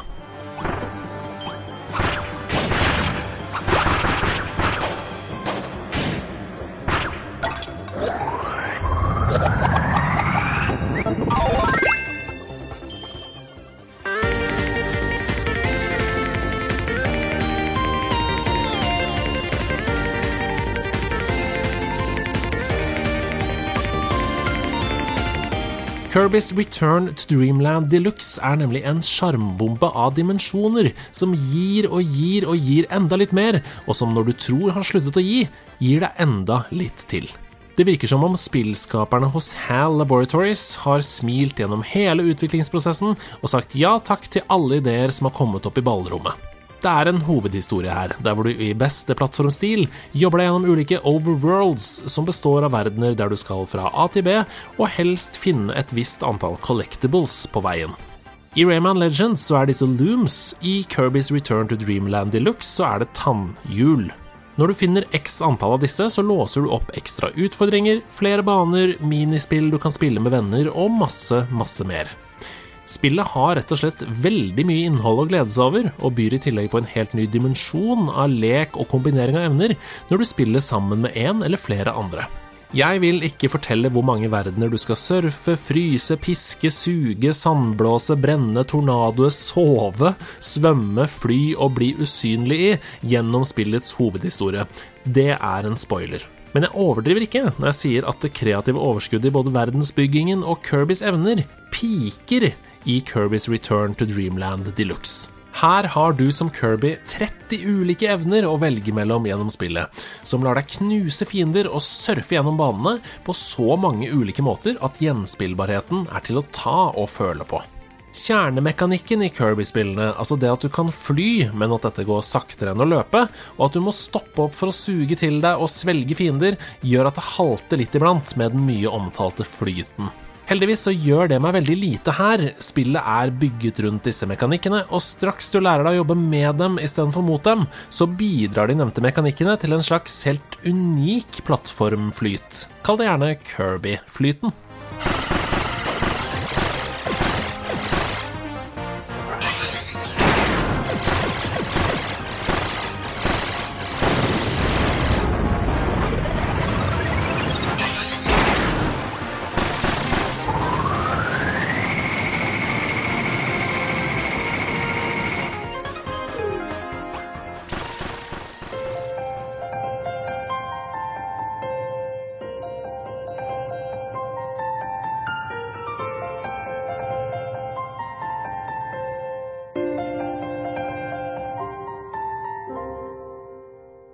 Musikken og lydbildet er fantastisk. Animasjonsstilen er deilig leken, fargerik og umulig å ikke kose seg med.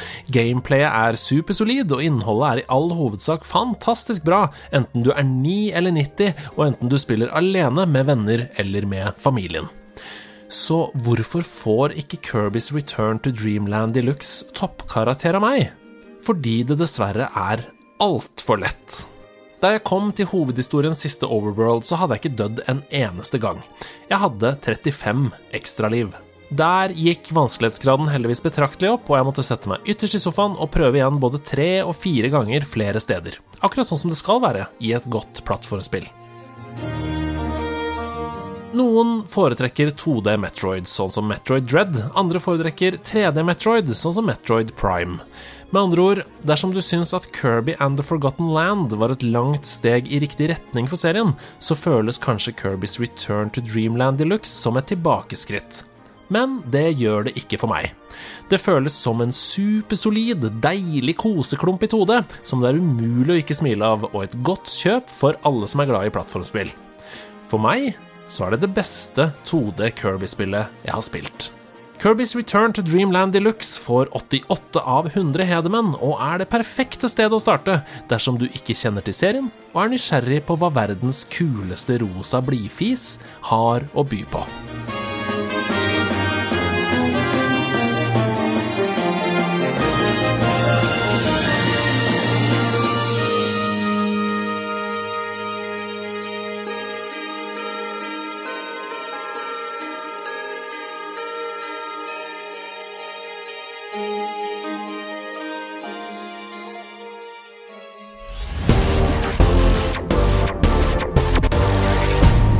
Fire store.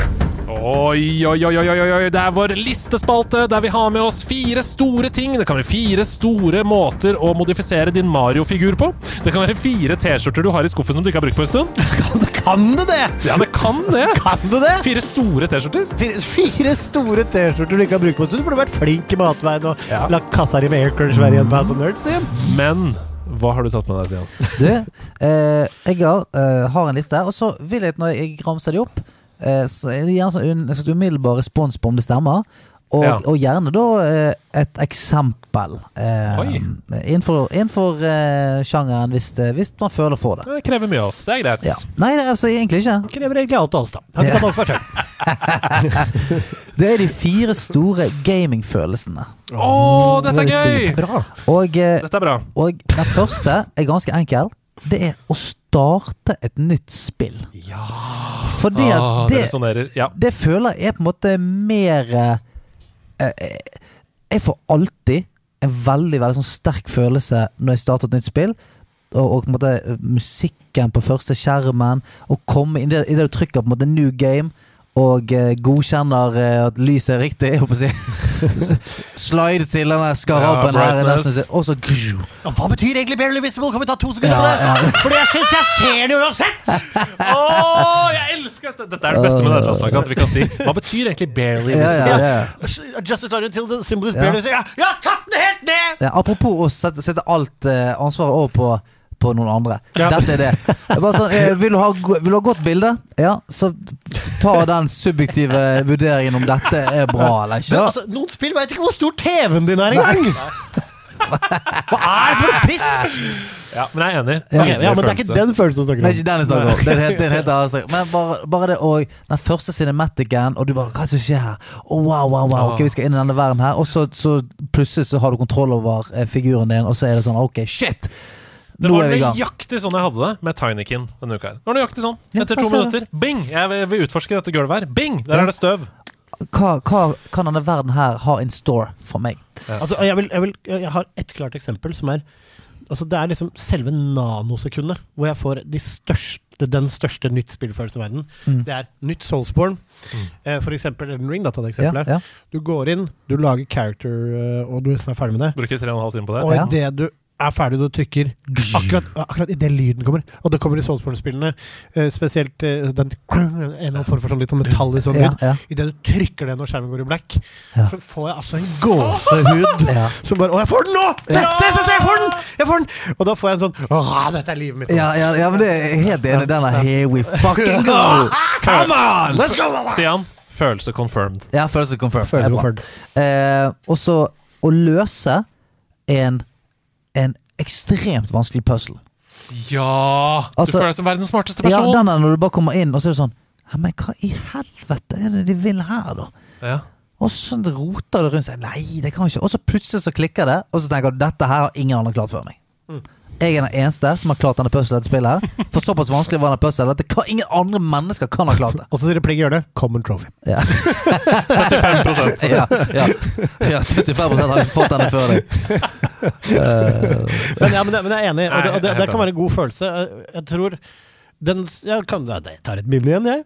Ja. Akkurat i det øyeblikket du har herja inn, og du har loka rundt, og du tror liksom sånn oh, Water Temple. Uh, Ja, Ja, ja. Og du har kjørt, og du, og du bare sånn ah, hva, Er dette riktig nå, da? Og så kommer du plutselig inn en dør, og så plutselig er det noe helt nytt. Ja. Og du er inne i området hvor du skal liksom Du skjønner Jeg er videre.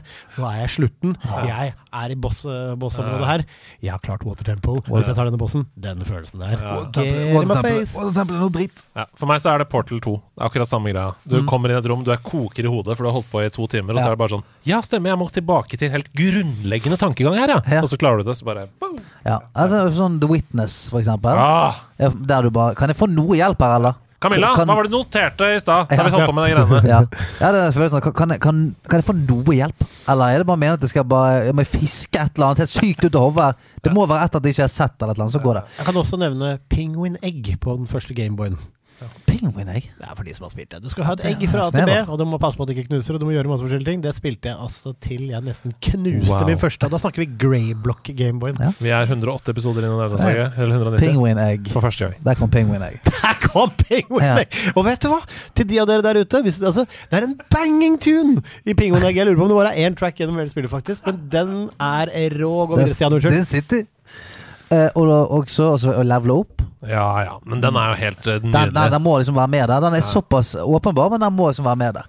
Eh, I alle spill, følelsen av at du leveler opp, våpenet ditt leveler opp, eh, bygningen din leveler opp, alt denne, den følelsen av at shit, nå har jeg kommet meg litt videre. Nå er jeg sterkere, nå er dette bedre, nå er øksen min fetere. Nå er det min tur til å snakke FromSoft. Fordi jeg har Ja. aldri opplevd det bedre enn i de spillene. Fordi det står så mye på spill. Ja. Du mister souls, du mister de tingene eh, Hva heter det i, i eh, Sinders Ash, eller hva faen det. Jeg tror det var? Souls, jeg faen, jeg gidder ikke. Blood Echoes. uh, nei, det er Bloodborne. Blood Echoes. Runes. Det heter Runes i Elden Ring. Ja. Fordi når du mister de, så er de borte for alltid. Men du kan bruke det til å levele opp. Ja. Så det, er, det føles for meg som et checkpoint i de sånn- spillene. Det er som å putte penger i banken. sånn, Ja. Åh, Ja, endelig! Ha-ha, fuck you, game! Jeg er bedre for Ja, ja. alltid nå. Nå, nå eh, Der du tar de vekk for alltid, Ja. så har jeg investert de for alltid. Men jeg vil også bare få lov til å si der, uh, samtidig som altså Jeg tror en av grunnene til at det level-up-gram, det er et spektakulært ding, eller om du setter penger inn i Mm. Eller setter souls inn i karakteren din, Samtidig som den, jeg tror en del av den følelsen når det dinger, og den karakteren du har brukt alle disse timene på, er litt bedre nå. Mm. Grunnen til at det smaker så godt, er fordi alt annet i livet ditt rundt deg rakner pga. At, at der du går bakover i livet, så går du framover et sted. Det er gøy! Det er gøy-gøy. Det er gøy, gøy det. Heia Og GG. siste, og igjen, det var vanskelig ikke å gå helt åpenbart, men man må si det likevel. Det er jo selvfølgelig å slå en uslåelig boss. Den, eh, den følelsen uh, igjen. Jeg glemmer den uh, mellom hver gang jeg spiller et vanskelig spill. Men når jeg spilte Wolong Dynasty, møtte førstebossen, så jeg tenkte sånn Nei, er det for faen kødd, da? Eh, og etter 25 eh, forsøk plutselig hadde dansen inne. Kring, kring, kring, dodge, hopp, slå, Vær helt awesome.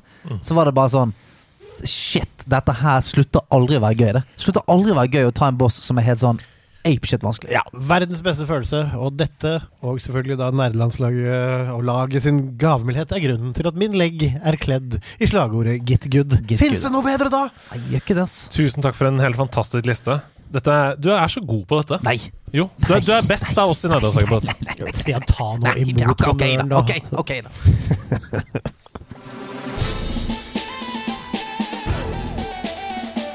Lydplanker! Å, jeg ser dere sitter her med noen Air Crunch-poser, dere små pirat-tullebukker! Og Berlinerbollen er ute av posen, men dere må ut på hver deres lyd. Det kan man ikke si! Man kan ikke si det, Andreas! Berlinerbollen er ute av posen, det kan man Ja. ikke si. Kamerat, berlinerbollen ute av posen. Oi, unnskyld. Er, Altså, Litt kort badebukse altså, der. altså, vet du hva? Vi- Om e altså, nå er det to e-er. Nå er det to e-er, Andreas. Det har to e-er takket være deg. Dobbel E, eksplisitt episode. Berlinerbollen er ute av posen, og vi skal spille Gå lydplanken. Eh, hva er navnet på deres fiktive pirater i dag? Hva heter du, Stian? Min er um, Jams McSniggles. James McSniggles. Det er vanskelig å si høyt når du skal vinne i går lydplanken. Jams McSniggles! Hva er din uh, pirat? Anders! Anders! Det er altså James McSniggles mot Anders her i dag. Og vi skal uh, løse den første oppgaven. Rop uh, James McSniggles, eller Anders, når dere vet hvilket spill dette her er fra.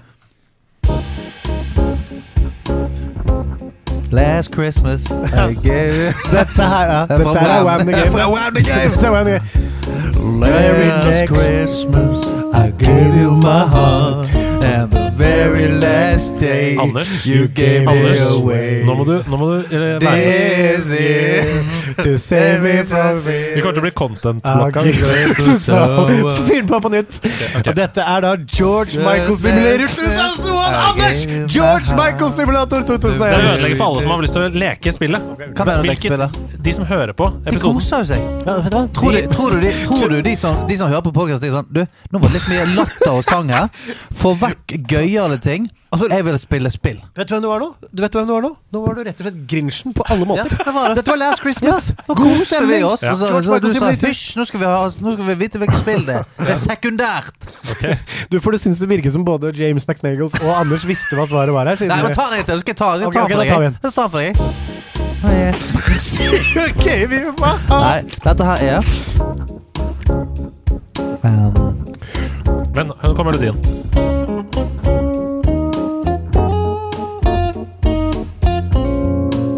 Er dette her, er det Pokémon Snap? Å! Det er ikke Pokémon Snap, men det er et annet Pokémon-spill. Oi, oi, oi. Det er nesten uh, Sasha! Ja. Er det Arceus? Nei, det er det ikke. Anders, men Ja, det, det heter Anders, ja. Stemmer det. Uh, nei, men du må nesten du, du skal få ett forsøk på å gjette hvilket Pokémon-spill det er. Um, Scarlett. Scarlet Nei, det er ikke det. Anders. Ja. Stadium. Nei da, det er ikke det. Dette er Pokémon Gold og Silver, og det er Azalea Town som vi hører her. Uh, men uh, du får et halvt poeng. Fordi du sa Pokémon. samme ka... Ok, greit. Fordi du sa Pokémon, og Ja. det er veldig uh, det, er, det er bra å skjønne at dette, denne distinktive lyden her Altså Wham er og Pokémon De, de, de, de, Altså, så sant som et navn er Anders. Dette finner jeg meg ikke i, men det er greit. Nei, Her kommer oppfølgingsspørsmålet, og her vil jeg at dere skal rope når dere vet uh, Altså førstemann. Her er det førstemann. I første generasjon så var det tre legendariske fugler. De het Articuno, Saptos og Moltres. I andre generasjon er det derimot to legendariske fugler. Hva heter de to fuglene? Max Niggles De heter Lugia og Ho-O. Det er helt riktig! Stemmer det! Veldig, veldig bra. Det betyr at det er ett og et halvt poeng til Max Niggles. Ja. Uh, Ja, Anders, altså, Anders sitter og velter seg i skammen. Han ikke tenker på det, gå videre. Anders velter seg i skammen. Uh, her kommer oppgave to. Rop navnet når dere vet hvilket spill vi skal til. Last Christmas Ja! So you think you're better off alone Det er Alice DJ. Det er det. Å, satan! Stian. Beat Saber. Nei! Hør på, hør, ikke hør på Ikke hør på stem... Ikke hør på Skal ikke høre på, ikke hør på musikken. Nei, ikke hør på sjangeren. Hør på melodien. Hør på hva det er som skjer. Det er ikke sikkert at dette er hentet direkte fra spillet.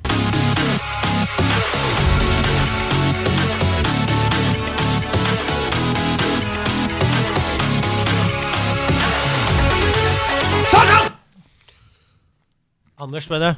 Eh, Stian. Uh, McSniggles. han, James må, McSniggles. han må få tenke litt grann før. Nei, altså, det... Du, du kan få litt tid til til å tenke litt grann Nei, til. det, det, er, det er Song of Storms! Song of Storms? Ja. Det er, altså, det, Det er er, altså, spillet det, vi det er skal fra ha. Selda! Ja, det er helt riktig. Ja, det er Selda, det er Ocarina of Time. Ja, det er det, og det er Gerudo Valley. Ja, det er det selvfølgelig. Men, men det er Selda, og vi skal jo fram til spillet. Så det er helt riktig. Det betyr at det er ett poeng til Anders, så det er én og en halv mot 1. Og da er altså oppfølgingsspørsmålet. Og her vil jeg at dere skal eh, bestemme dere for et svar. For det er ikke førstemann her. Ah. Så bestem dere for et svar. Det er et at ja. 100 speedrun-rekorden i Ocarina of Time er på 3 timer, 45 minutter og 51 sekunder. Det, I seg selv syns jeg det er helt sjukt. 100% Ocarina of Time på 3 timer. Men uansett. Ifølge samme nettside, altså speedrun.com, hva er rekorden på any percent? Og her er det den som kommer nærmest any percent, altså runde Ocarina of Time. Det er, alt er lov.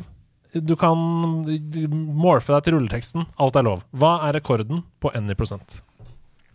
Bestem dere for et svar. Du leder, så du får svare først. Men har du bestemt deg, Sebastian? Ja. Jeg kan skrive, jeg jeg denne på telefonen min. Ja. Jeg bare skriver det i, eh, i, i tastatur. Så hæ? Så viser jeg det til, til Andreas. Ja, jeg ser det. Ja. Eh, ja, jeg ser det. Da kan dere lese høyt hva det er dere har skrevet på telefonene deres. Jeg har skrevet 17 minutter. Jeg har skrevet fem sekunder. Du har skrevet fem sekunder, ja! Det riktige svaret er 3 minutter og 54 sekunder, så det betyr at Sebastian er nærmest! Eller Anders er det, ja. For jeg husker bare at det er helt sånn, Men er det ikke enda mindre? Er det ikke en sånn en og bug som gjør at du kan gå rett fra liksom, Nei, start til Du må rulletekst? teipe kontrollen, på seg, og så holder du på i startmenyen her, bare i, i Kakariko Village. Holder på liksom og inputs og sånn, og så bare bing, rulletekst. Ja. Så 3 minutter, 54 sekunder og 566 millisekunder er da den rekorden. Det betyr det at du har to poeng mot ett og et halvt. Nei, Det så Anders kommer seint og godt opp. Det drar seg til her idet vi skal til den siste oppgaven.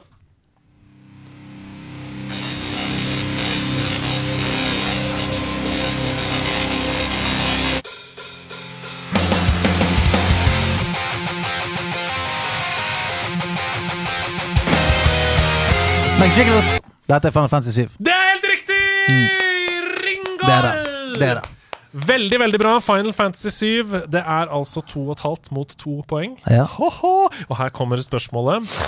Hva var hovedinspirasjonen til art director Yuzuke Naora da han skulle designe Midgard i Final Fantasy 7? Hva var hovedinspirasjonen til art directoren i spillet da han skulle designe Midgard i Final Fantasy 7? Di, di, di, di, di. Det er ventemusikk, mens dere tenker. Sweet and di, handsome du, and meaty. Anders er god på konkurransen, mens Max Squiggles tenker hardt og klarer ikke synge mer. Vi må ha et svar. Eh, eh, kan, kan det være noe så teit som at det faktisk er Tolkiens eh, Middle Earth? Ja, du sier det. Nei, det er bare hiver ut noe. Ja, Art directoren, Tolkien's Middle-earth, hva sier du? Tolkiens jeg har ikke peiling. Jeg, jeg har ikke peiling. Eh, Så jo, ok, greit. Eh, Nei, jeg har ingenting. Svaret er en pizza! Mm, ja, en det er- pizza! Men er det, er det, er det, er det middag. Eller er det ikke det, ikke det den flytende byen som er pizzaen, da? Dette det er Septastic som har skrevet. Det står fun fact. Et av musikkstykkene som spilles når man er på lower levels i Midgard, heter Underneath the Rotting Pizza. Ja. Det For, er, det, for, ja, okay, for jeg trodde, jeg trodde ikke Jeg trodde Midgard var liksom hele mappet, men Midgard Ja. er altså da den The byen. Floating City. Ja, sannsynligvis. Alt, alt er inspirert av pizza, tror jeg. Okay. Det er to og et halvt mot to poeng. Det betyr at det kommer til å bli avgjort av hva som er fellesnevneren mellom de tre. Stian, Stian låtene. McSniggles. Ja, McSniggles. McSniggles. Eh, alle er eh, alternative innspillinger av låtene som de representerer. Alle er coverlåter, og du har vunnet McSniggles! Anders, kom deg ut på lydplanken! Du er tapt Ja, i ja. dag! Nei, altså, han skulle prøve seg som sjørøver, vet du. Gamle Anders ut av rørleggerirket og kanskje ut på de sju havene. Det tok ikke så lang tid, dette. Jeg kommer Plask. Det er så utrolig bra, Anders. Du eh, går lydplanken som ingen andre. Takk, takk. Det kan ingen ta fra deg. Nei, det. Dungeons and Dragons 10. Vi er i Dungeons and Dragons Den, og det er Stian Blipp som har forberedt en pitch på et fiktivt spill. Og jeg tenker at uh, du kom jo nesten med en sånn D&D Den i stad, da du begynte å snakke om Nei, det var du som snakka om det. Ja, du, ja. Mario Kart. Mario Kart med, med- sultne chumpers. Så hvis det er noen andre i redaksjonen til nederlandslaget, f.eks. Ida eller Hasse, som hører på, ta så noter dere den, så kan du pitche det i en Ja. annen episode av D&D Den. Kan være lurt. Ehm, dette her er noe som jeg eh, faktisk har leitet litt etter det siste okay. sånn halve året. Okay. Fordi at eh, jeg er veldig veldig glad i gamification av ting. Altså Mm. veld, Veldig glad i gamification. Eh, syns det blir brukt nesten for lite. Eh, spesielt til å, å få en bedre schwung på livet sitt. Ja.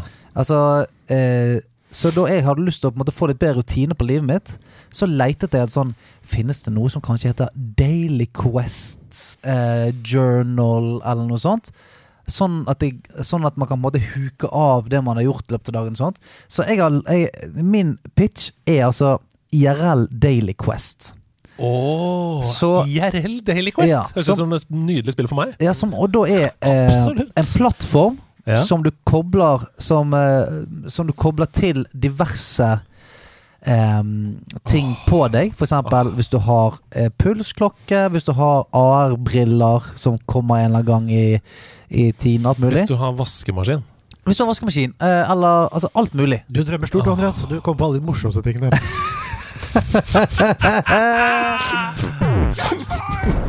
Men tenk deg, da. Hvis du Hvis du kunne tatt noe Du kunne tatt noe som du bestemte sjøl, og så var det noe som på en måte var randomly generated, basert på de tingene du hadde koblet opp til. Ja. La oss si du har koblet opp Du har koblet opp uh, pulsklokken din, Mm. uh, vekkerklokken din uh, Ja, så har du et eller annet eh, Noe geotagging, for eksempel, da.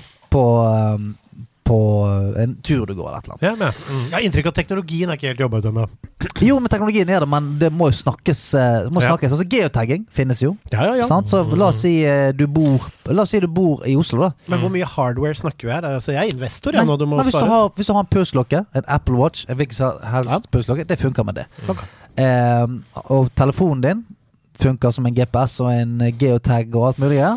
Funker til det. Og så kan du på en måte eh, integrere det med flere, eh, flere ting. Ja, du har, altså, jeg, jeg begynte med en gang å tenke Det var derfor jeg sa vaskemaskin, oppvaskmaskin, støvsuger. Fordi jeg vil ha poeng. Jeg vil ha XP vil ha for å kunne støvsuge stua. Jeg Ja. vil uh, få noe som jeg kan Ja, bruke her, til ja, for her er greien. Okay. Her er hele kickeren. For én ting er sånn eh, du, Etter en uke så er det sånn Ja, det er gøy å få level og alt mulig greier, men du kan hver uke koble den til eh, ditt prefererte currency-system. Okay. Så la oss si denne uken her så vil jeg at de poengene jeg tjener i min weekly quest, eller daily quest, den går til eh, for eksempel V-bucks i Fortnite. Ah, så du Eller, de eller jeg- vil at dette skal gå til eh, Apex Coins. Eller jeg Mm. vil at dette, sånn at du kan bytte den eh, hver uke. Og så vil du da tjene Så det vil si at dess bedre du gjør det i det virkelige liv, dess fetere ting kan du kjøpe deg.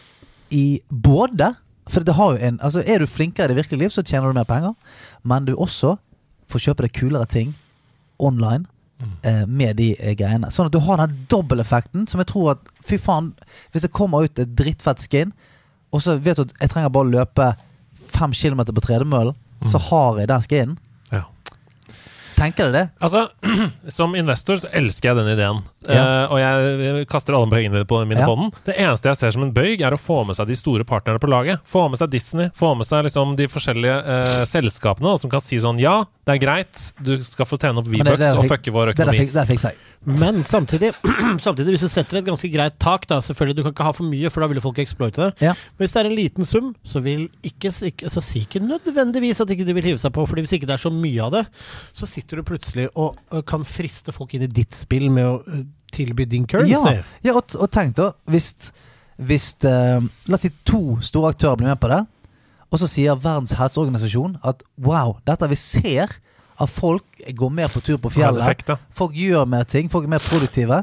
Uh, tusen, tusen takk til Fortnite og til eh, eh, Apex som, som eh, tilbyr dette. her. Vi ser at det funker. Mm. Skal du da sitte som, som PlayStation og Xbox da, for eksempel, og ikke tilby det? Mm. Skal du ikke være med på den positive helsetrenden? Det går ikke, det. Så det her tror jeg kommer til å være den der smitteeffekten. Og tenk da, hvis du, er, hvis du hver uke så har du på en måte det, du har Daily Quests, du har Weekly Quests som tar litt lengre tid, og sånt men så har du også noe epic, epic sånn optional quests, som får så du får masse. Det er sånn eh, en geotag som er sånn du, du må på toppen av eh, fjellet i nærområdet ditt, f.eks. Mm. Kommer du opp der, så geotagges det, og så er det sånn ding, ding, ding, epic quest finish, du får masse coins. Tenk hvor fett det hadde vært. Ja, og så kan du, det er jo Plutselig så møter du andre Ja. familiefedre som, uh, er Ja, ute ja. og- som er ute og støvsuger på gallepiggen pga. bug. Nei, jeg digger det. Du får to tomler opp fra meg. Du Ja. får alle pengene til investoren. Jeg, jeg, jeg, hvis det er noe som kan gjøre det lettere for meg å ta, ta ut oppvaskmaskinen, og samtidig slippe å bruke penger på Få deg- få mikrotransaksjoner et par coins der. Hva Jeg med føler, det? jeg føler at jeg liker det godt, men det føles ut som et system. Teknologien er ikke helt der ennå. Og jeg er- føler er at det, er, at det er lett å exploite på en eller annen måte ved å bare gå over til oppvaskmaskinen og, og riste på den. Eller, altså, herregud, vi vet alle hvordan skrittelleren lures i et, i et uh, Fitbit. Så at, jeg, jeg tror teknologien er ikke helt der, men jeg elsker ideen, så jeg er, jeg er også med. Jeg er også om bord med en og en halv tommel. Ja, det er bra, det. Så da blir det tre og en halv tomler på, på, fra oss. Ja. Er du fornøyd? Ja, veldig, veldig fornøyd. Veldig, veldig bra.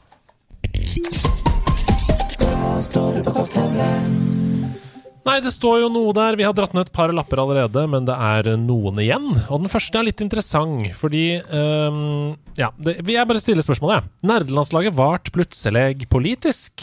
Uh, hva tre saker står øverst på partiprogrammet? spør Esel. Oi! Og da har jo vi faktisk nå mulighet da, til å dytte det politiske eh, landskapet i en eh, retning som er bra for gaming, for spill, for Ja, for vi, vi, tenker, vi tenker kun på det. Ja, det er ikke sånn hva, hva, hva står øverst på partiprogrammet? Nei, det er sykehus og helse og jeg, jeg tenker sånn vi, vi, Det vi kan Vi uttale oss om her det. Ja. ja, det, vi bli et ettsaksparti? Det er så mye morsommere. ja, nei, vi, Tre Ett saker, da. sak, ja, ja, ja. Det er- det er bare sånn bomringparti. Det er det dummeste jeg ser. Det er, er, er sånn bare, ja, vi ikke ha bomring! Hva, hva med andre ting, da? Ja? Dritt for deg, så liker Ja, bomring. det, det bryr ikke jeg meg om. Jo, men jeg dere må- er kun Ja. Men hvis dere kommer inn, dere må ha flere ting Jo, jo, men det kommer Nå tar bomring først, altså. Hva med subsidier som gjør at man kan ha et eh, konkurranseklima, sånn som GamePass f.eks., sånn at man ikke trenger Sånn at det blir lettere for alle å ha tilgang på gaming? Jeg vet men ikke, noe? staten funde det? Er det det du Jeg vet ikke. Vi Jeg vet- staten. At staten funder eh, Ja, jeg vet ikke, på en eller annen måte Vi vet at gaming er dyrt og utilgjengelig for mange. Hvordan kan vi som et uh, spillparti Altså, jeg har en sak jeg, som jeg tror dere kan stelle dere bak begge to. Forby microtrans. Åh! Én av tre. Nei, jeg er ikke med på det. Skal du nå forsvare Altså, vet du hva? Ja, men hva, hva tenker du på da? Du elsker micro- microtransaksjoner. Nei, men jeg, jeg tror jo at eh, det å fjerne det er jo Det vil jo ødelegge for mange spillutviklere. Ja, det vil det. Det vil ødelegge for mange spillutviklere. Men det vil jo også si at uh, spillet må være fullpris. da Alle spill må være fullpris istedenfor at det er gratis, og så Fordi Ja, det er jo men- åpenbart men- at det de ja, spekulerer ja, men tenk, da, da, da, da tar du vekk Warzone nå. No. Så, jo, men du gjør det. For, ja, må for det er gratis. på-. Ja, men det må koste penger isteden. Ja, ok. Det som, det Men, som men, men, eh, men da, da Jeg tror de har gått til microtransactions fordi de tjener mer penger på det, altså. Ikke fordi Ja, men, okay. men, men, du, du, du hadde ikke hatt 200 millioner som hadde spilt Warzone hvis det hadde kostet 699. Nei, det er sant. Det er veldig sant. Og, Du hadde kanskje hatt en tiendedel. Vi, vi vet jo at uh, forskningen bak mikrotransaksjoner handler ikke om at uh, det er 200 millioner som skal bruke 10 kroner hver. Det handler om at det er 1000 stykker som skal bruke 10 millioner Ja. fordi de er spilleavhengige. Ja, ja. Det er det det handler om. Ja. Så det er derfor jeg prøver å si sånn Ja, jeg stiller meg bak det, men kanskje ikke For jeg, jeg liker den der, de store massene også. Jeg liker det, liksom. Kanskje vi må Kanskje- jobbe ut en slags middelvei her. Ja, Ja, men for eksempel sånn som Fortnite var, da. Ikke, som, er, som det ikke er nå lenger. Men alle kunne preike om Fortnite. Altså, jeg husker jeg var på sånn uh, sommercamp eh, eh, for kids. Var der, og alle var sånn Ja, hvor mange, hvor mange wins har du i Fortnite? Og det var sånn, altså, det var, alle kunne liksom joines rundt det, da. Mm. Hadde det kostet 699, hadde ikke folk kunnet gjort det. ja, det er sant. det. uh, og eneste som gjør at det kan være gratis, er av mikrotransaksjoner. Mm. Men da er det ikke gratis. Hæ? Det er jo ofte, Ja, men det er jo gratis. Ja, men det er jo gratis for det, du, du, du, må, ja, men I Fortnite, da, for eksempel. Fifa er ikke gratis. For FIFA er. Ja, men der må jo du kjøpe for å kunne være kompetitiv. Ja, I I Foot, Fortnite for i Fortnite har det fuck all å si om du har en, en, en unicorn-T-skjorte eller ikke. Samme, tror- samme, Jo, men, samme men, i men Apex. Foot er helt valgfritt. Fifa er Ja. et gigantisk spill med alle online-muligheter. Ja, men det, det, det samme er jo med Warzone. Det er helt valgfritt å kjøpe fredag den 13. skin eh, under halloween-eventet. men Jeg foreslår en middelvei her. Og det er at eh, mikrotransaksjoner er fortsatt tillatt, men det er en spending-sperre. Som gjør at folk kan ikke spille seg fra gård og grunn. Altså De kan ikke bruke 100 000 i måneden dette på lukter fascisme. På en eller annen måte lukter det fascisme, men samtidig er det liber... Altså, jeg vet ikke om det er liberalt. Altså, Jeg- jeg Norsk, med Norsk Tipping har jo dette. Norsk Tipping Ja, har ja. spendinggrenser. Nei. Ja. Ja, du setter det sjøl, ja. Ja. ja. Men hva faen har det å si, da? Ja, men det, det er bra for kids, da! For det er det jeg snakker om. Om du er voksen og tjener penger, driter vel jeg om du bruker alle pengene Kanskje det er der allerede nå. jeg tenker på At det går an å sette sånn family-filter og spendinggrenser og sånt. Ja, jeg trekker alt tilbake. La folk fucke seg til. Nei, men jeg er, jeg er uh, grunnleggende imot mikrotransaksjoner selv, samtidig som jeg ser poenget med at det å uh, få mange inn i et spill er uh, demokratiserende. Ja, men, ja, men så mener jeg også at å ha flere muligheter for en spillutvikler å, å, ha, å få et spill ut i livet på, Mm. Det mener jeg er en bra ting. Men Mm. selvfølgelig, det er jo en ting du kan misbruke som faen. Og jeg mener at de spillene der det ikke har noen annen virkning enn å være kosmetisk eller eh, bare sånn Sånn som jeg, jeg har brukt masse penger på Apex, men det er Mm. jeg syns det er gøy å ha heirloom skins og alt mulig. Men det har jo ingenting å si for hvor, hvor bra jeg er i spill eller noe som helst. Min store bekymring er bare spillavhengighet. Og det er mange vi vet at det er, uh, mekanikkene er utviklet på grunn av det. De kaller dem whales. De gjør det med vilje for Mm. å appellere til noen som har et problem. Og det betyr at uh, ja, det er noen få som funder for veldig mange. Da. Ja. La oss heller bare si at uh, microtrans trans skal finnes, men du har ikke lov til å reklamere for dem på forsiden av spillet ditt, eller gi deg push-varsler. De to andre Mm. sakene, alle skal få hver sin Xbox. Den tredje saken, eh, alle skal uh, eh, ha muligheten til å spille spill. Ja, men okay, så hør da. For- Tre viktige saker der, altså. Ja, men når du begynner på ungdomsskole, ikke det sånn du får ikke en iPad nå? Ikke det sånn? Oh. Jeg mener, faen, ikke det ikke Men det sånn. du får ikke gamepad, på du. Nei, men kanskje det er det man burde fått, da. Hva Altså, skal du med en Xbox i norsk timen, egentlig? ja, hvis, du hadde fått, hvis du hadde fått en pad som òg hadde Ja. Kanskje, Kanskje, kanskje eh, alle kan få hver sin valgfrie spillkonsoll én gang i livet. Ja. vet konfirmasjon. Eller at det blir påbudt. eller det er. Ja, påbudt at foreldre må spare til Xbox-informasjon. Vi går videre! Hei, mine skjønne! det, Dette partiet er ingen som kommer til å stemme på. Altså, vi er altså så wishy-washy og har null politisk grunnlag. Ja, og sånn som de fleste partier. Ja, som et vanlig politisk parti. Ja, det, er, det er sånn at Alle må ha Xbox, det er greit å spille, og microtransaksjon er litt lov. Takk for oss. Hei, mine skjønne! Da jeg var rundt 9-10 år, dro vi på butikken der jeg endelig skulle få kjøpe min sølvfarga Gameboy Advance SP Helt egne penger. Stas! Mamma hadde bestilt både Gameboy og spill, men søt som hun er, veit hun ikke forskjell på Mario og Vario, så i stedet for Super Mario World 3 kom jeg hjem med WarioWare Inc. Med usikre forventninger fyrte jeg opp dette mystiske spillet og ble umiddelbart kasta inn utallige morsomme minigames med fantastisk musikk og forskjellige kunststiler. Det ble et varmt og godt gamingminne fra barndommen, før jeg selvsagt fikk Pokémon Ruby og brukte uendelige timer der. Har de i studio et varmt minne fra en overraskende god gamingoppleving som har satt spor, spør Høge Brelle. Så det er litt sånn Jeg trodde jeg skulle få Mario, men jeg fikk Vario, og wow! Det var også dritgøy! Ja. Ja. Ja. Jeg kan begynne med No One Can Stop Mr. Domino, som jeg har eh, nevnt før. Ja, stemmer det. Så det billig, billigesken på På Space World? Ja, Mm. Det var jo bare sånn Vi hadde 99 kroner eh, til å kjøpe et spill i gave til en kamerat. Det var dritgøy. Det var Ja. dritgøy Vi spilte det i seks måneder etterpå. No One Can Stop Mr. Domino. Mm. Mm. Jeg, eh, jeg husker jeg, jeg kjøpte et spill Litt sånn på samme måten. Det var sånn 160 kroner på, eh, på en eller annen sjappe. Og det var eh, Capcom versus Marvel eller et eller annet. Et Mm. jævlig kult slåssespill. Som var Jeg tror det het Capcom Marvel. Et eller annet. Så det var eh, en merge mellom de to universene. Så hadde på en måte alt fra Street Fighter-karakterer til eh, Spiderman. På en måte, som fightet mot hverandre. Det var tag teams, og eh, Juggernaut kunne gjøre en eller annen super-tag team-greie med Ryu, og Mm. det var dritfett. Altså, det var sånn eh, Jeg tok det med til en kompis. Og storebroren hans var sånn Oi, hva er dette for noe? Så det endte opp med at liksom storebroren og kompisen og vi to satt og bare blodspilte det spillet dritlenge. Så det var skikkelig kult. Jeg, jeg tror det Marvel versus Capcom. Ja, det høres riktig Marvel ut. Ja, det- Capcom. det- det tror det, ja. Mm. Vet du hva, Jeg kom ikke på noe sånn umiddelbart, men det minner meg på en fra barnsbanda. Jeg husker jeg ønska meg Street Fighter på Super Nintendo. Ja. Men så fikk jeg Clayfighter. Clayfighter! Det er jo skamfett! Og, og Clayfighter Frakadu, for et bra spill! ass. Vi har klart det igjen! skamfett! Det andre, I samme episode, andre gangen du spiller, snakker om et nytt spill for første gang på Ja. 180 Men- episoder. Clayfighter. Men altså, se på estetikken i Clayfighter. Fytti katta, det er fett. Altså, An- sånn stop motion-animert. Å, baby! Fuck, ass. Jeg, det spilte jeg mye, ass. Fy søren. På, altså, på Super Nintendo, ja. Med Snømannen mot Ja, ja, ja. ja. Han med de lange armene som kunne strekke seg! Ja, det er jo kjempegøy. Altså, det, det Jeg ble så lykkelig at du sa det. For det spilte jeg mye, det. Men det fins jo sikkert på en eller annen virtual console. Hvis du skynder deg før 27. mars, for da forsvinner det fra Nintendo Wii U virtual Jeg måtte, console. jeg måtte bare se på, på cover, altså. Clayfighter, ja. Fuck, det var kult. Det er bare altså, det går Prøv å finne det, fordi det er ikke så lenge siden jeg spilte emulator. Ja, ja jeg har air crunch i munnen. Jeg bare sier sånn, Dette er den beste reklamen Kims kunne fått for noe de har gjort. Ja, Fordi det var Sebastian, hele jævla, Sebastian så- klarer ikke å slutte å spise Aircrunch. Jeg elsker det. Det Jeg er elsker det. Så, Henrik, du, som hører på, Henrik fra Orkla, det, du, hva er det du har gjort? Ja. Nei, du har fått oss på kjøret, da. Det er det beste potetgullet man får. Ok, Vi tar den siste, siste spørsmålet på korktavla. Um, spørsmål til korktavle. Foretrekker dere gode høyttalere når dere spiller, eller et godt headset? Hva type bruker dere? Det ene eller andre? Hilsen Marius.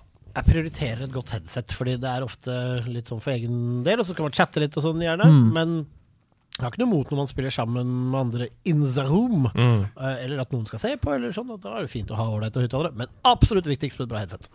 Ja, jeg må si meg enig, altså, for at jeg eh, Jeg liker å ha lyden liksom, Rett i- Ja, rett i nebbet. Det er lettere med 3D-lyd og sånn også. Ja, og så- på og så er det òg den der eh, eh, Altså, lyddesignet til spill er så ekstremt bra Mm. eh, i disse dager, så sånn, Spiller du for eksempel eh, Faen, jeg glemte eh, Samuraispillet. Ja, hvor lang Eh, døgnes det? nei, Sekiro? Nei, eh, nei, ikke Sekiro. Du, du har nettopp kjøpt. Ghost of Tsushima. Ja.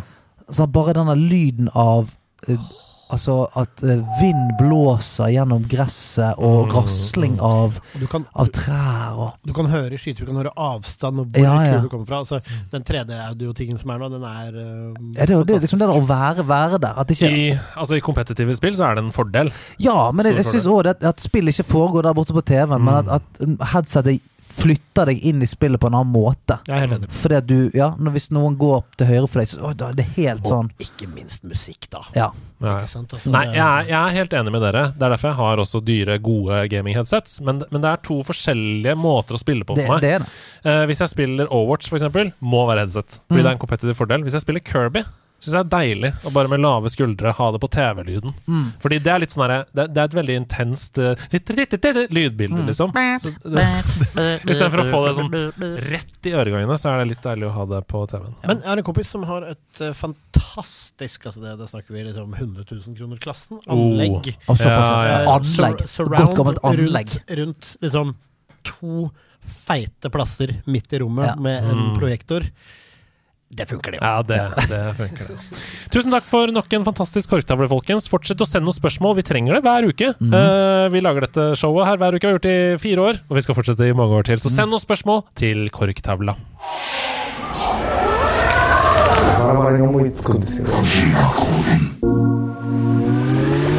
Vi er tilbake i Tokyos underverden. Sebastian og Stian har forberedt hver sine Kojima-koder, og jeg skal leve meg tilbake og høre på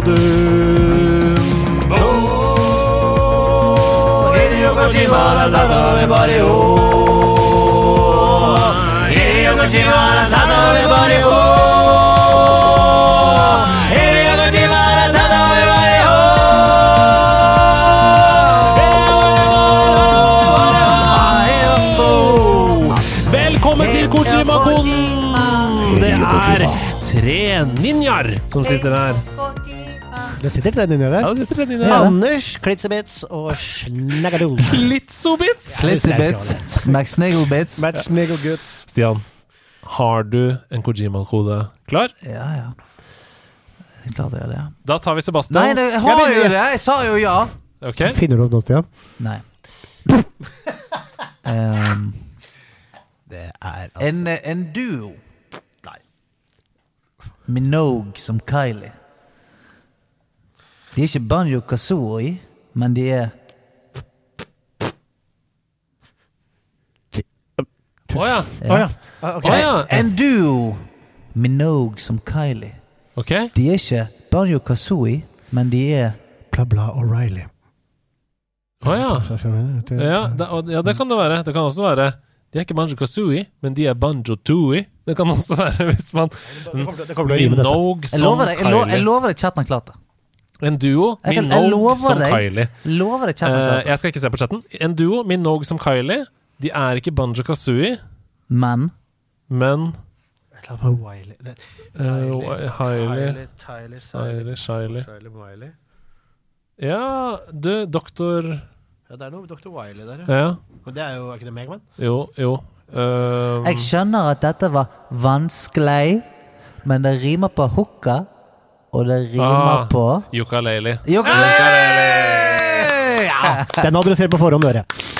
Veldig, veldig bra. Ukulele. Da får vi ett poeng, for det var ledd to som kom der. Det betyr at vi får ett poeng å bruke i Korv Jima-boden. Ja, det var okay, greit. to som kom der. Ja. Ok, da tar jeg min Tre kinesere på Hobroplan Nei. ok, Eh. Hobro? Vi må, vi må slå hodene sammen, Stian. Ja, ja. En liten perle på konsollen selskapet kunne dominere. Kom et bra spill hvis IP sluttet å eksistere. Skyting og eventyr, kanskje du husker det nå?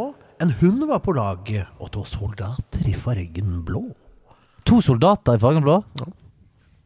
En, en spill som selskap En liten perle på konsollen selskapet kunne dominere. Brothers in Arms. Kom et bra spill hvis IP sluttet å eksistere. Skyting og eventyr, kanskje du husker det nå? En hund var på laget, og to soldater i fargen blå. Altså, eh, det var et Megaman-spill hvor du kunne slenge ut en eh, hund. Og der var, det jo, der var jo du blå som Megaman. Du kunne bruke en hund til å stå på, hoppe opp og så videre. Men to soldater pluss en hund Det er litt, Jeg kan gi, Um, bare si det at det det er ikke helt blå, men det er liksom blå farger i det. da, Blå var tema. Okay. Er det Valiant Hearts eller noe sånt? Jeg tenkte på Brothers in Arms, jeg. Men um, det, det der eh, en slags Gears of War-aktige Ja. Selskapet kunne dominere. Det høres jo for meg ut som uh, Nintendo, da. Fordi hvis du er et, du er et selskap som sitter hjemme og, Ja, og spiller men det kan jo være typ sånn Naughty Dog, Dog, ja, da. selvfølgelig. Og ikke minst at selskapet kunne dominere på denne plattformen. Ja, ja. Sånn som at for eksempel Halo. Halo Eller for, Naughty Dog-type på eh, Nå får det nesten komme med et svar, Ja, så går vi til del to her. vi tar ditt Brothers in Arms. Jeg, har ikke noe bedre. Ja, Det er feil. Da går vi til del to. Okay. Noen stammer har blitt slaver. Det trengs brave individer til å frigjøre disse fra insektoider. 1999 er året du må knekke misere. Spillet er bra, det. Fra selskapet Rare. Rare i 99. Da Insektoida.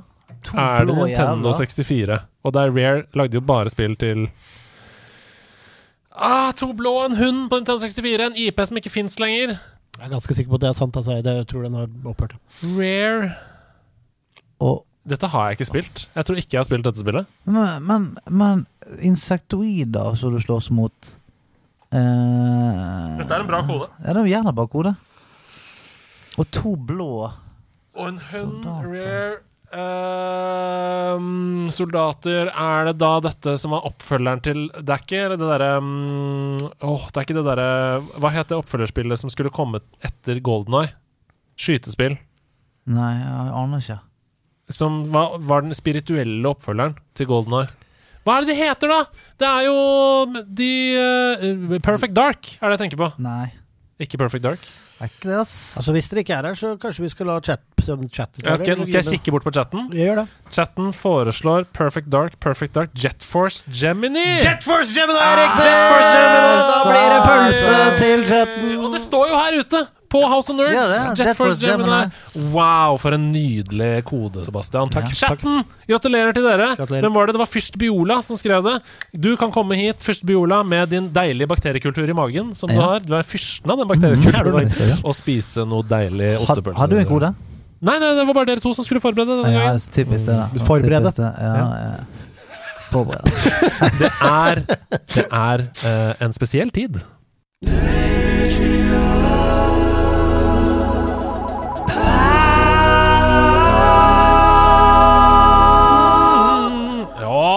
Patron-perler! Åh, jeg elsker Patron-perler. Jeg Jeg syns det er så gøy. Patron. Da lener man seg bare tilbake på Aircrash. Ja, det er det man gjør, og det er jeg som har lagd den denne uka her. Og eh, det, dere kommer til å ha lyst til å være med. Oi. Dere kommer til å ha lyst til å være med på dette. Vi får det aircrunch med. Fordi inspirert av vår alles kjære Manji inne på Discord, så har jeg rett og slett prøvd meg på citypop.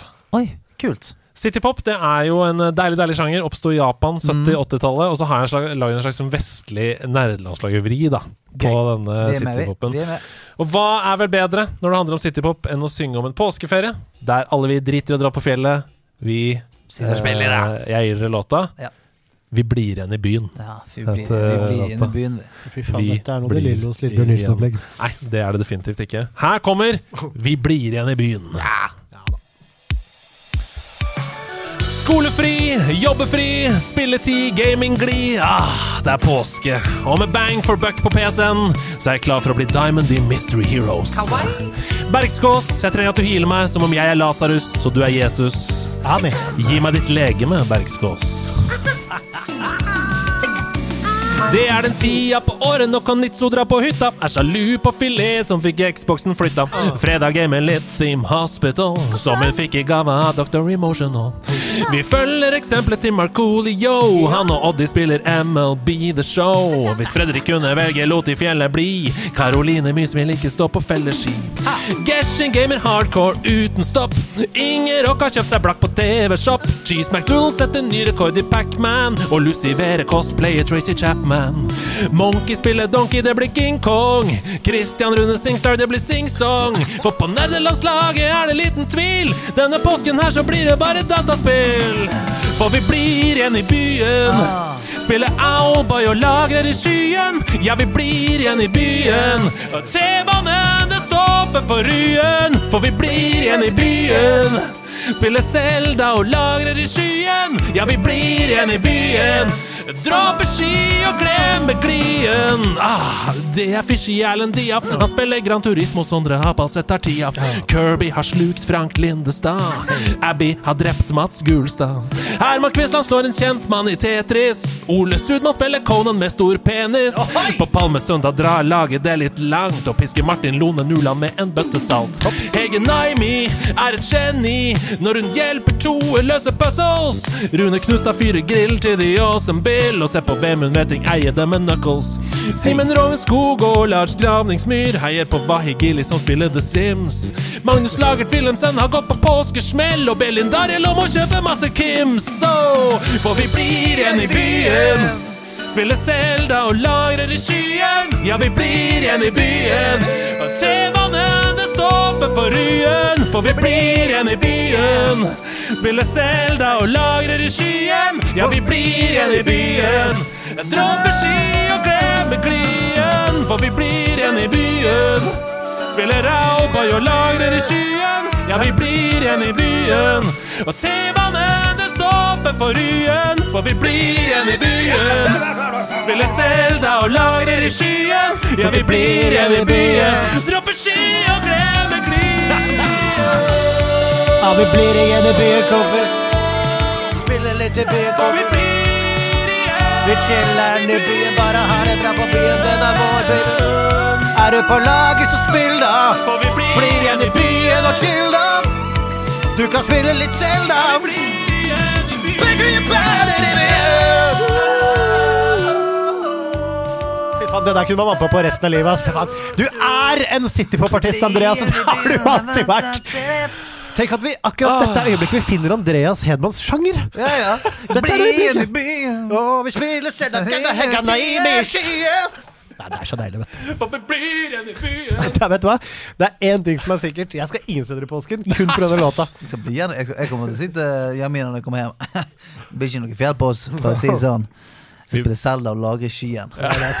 Hvor Lars Gravningsmyr! Hvem er Lars Gravningsmyr? Nei, det. Vet du hva? Hvem er Lars Gravningsmyr? Hvem er ikke Lars Gravningsmyr? Svarer jeg på det. Vi er alle Lars Gravningsmyr. Nei, det er deilig, dere.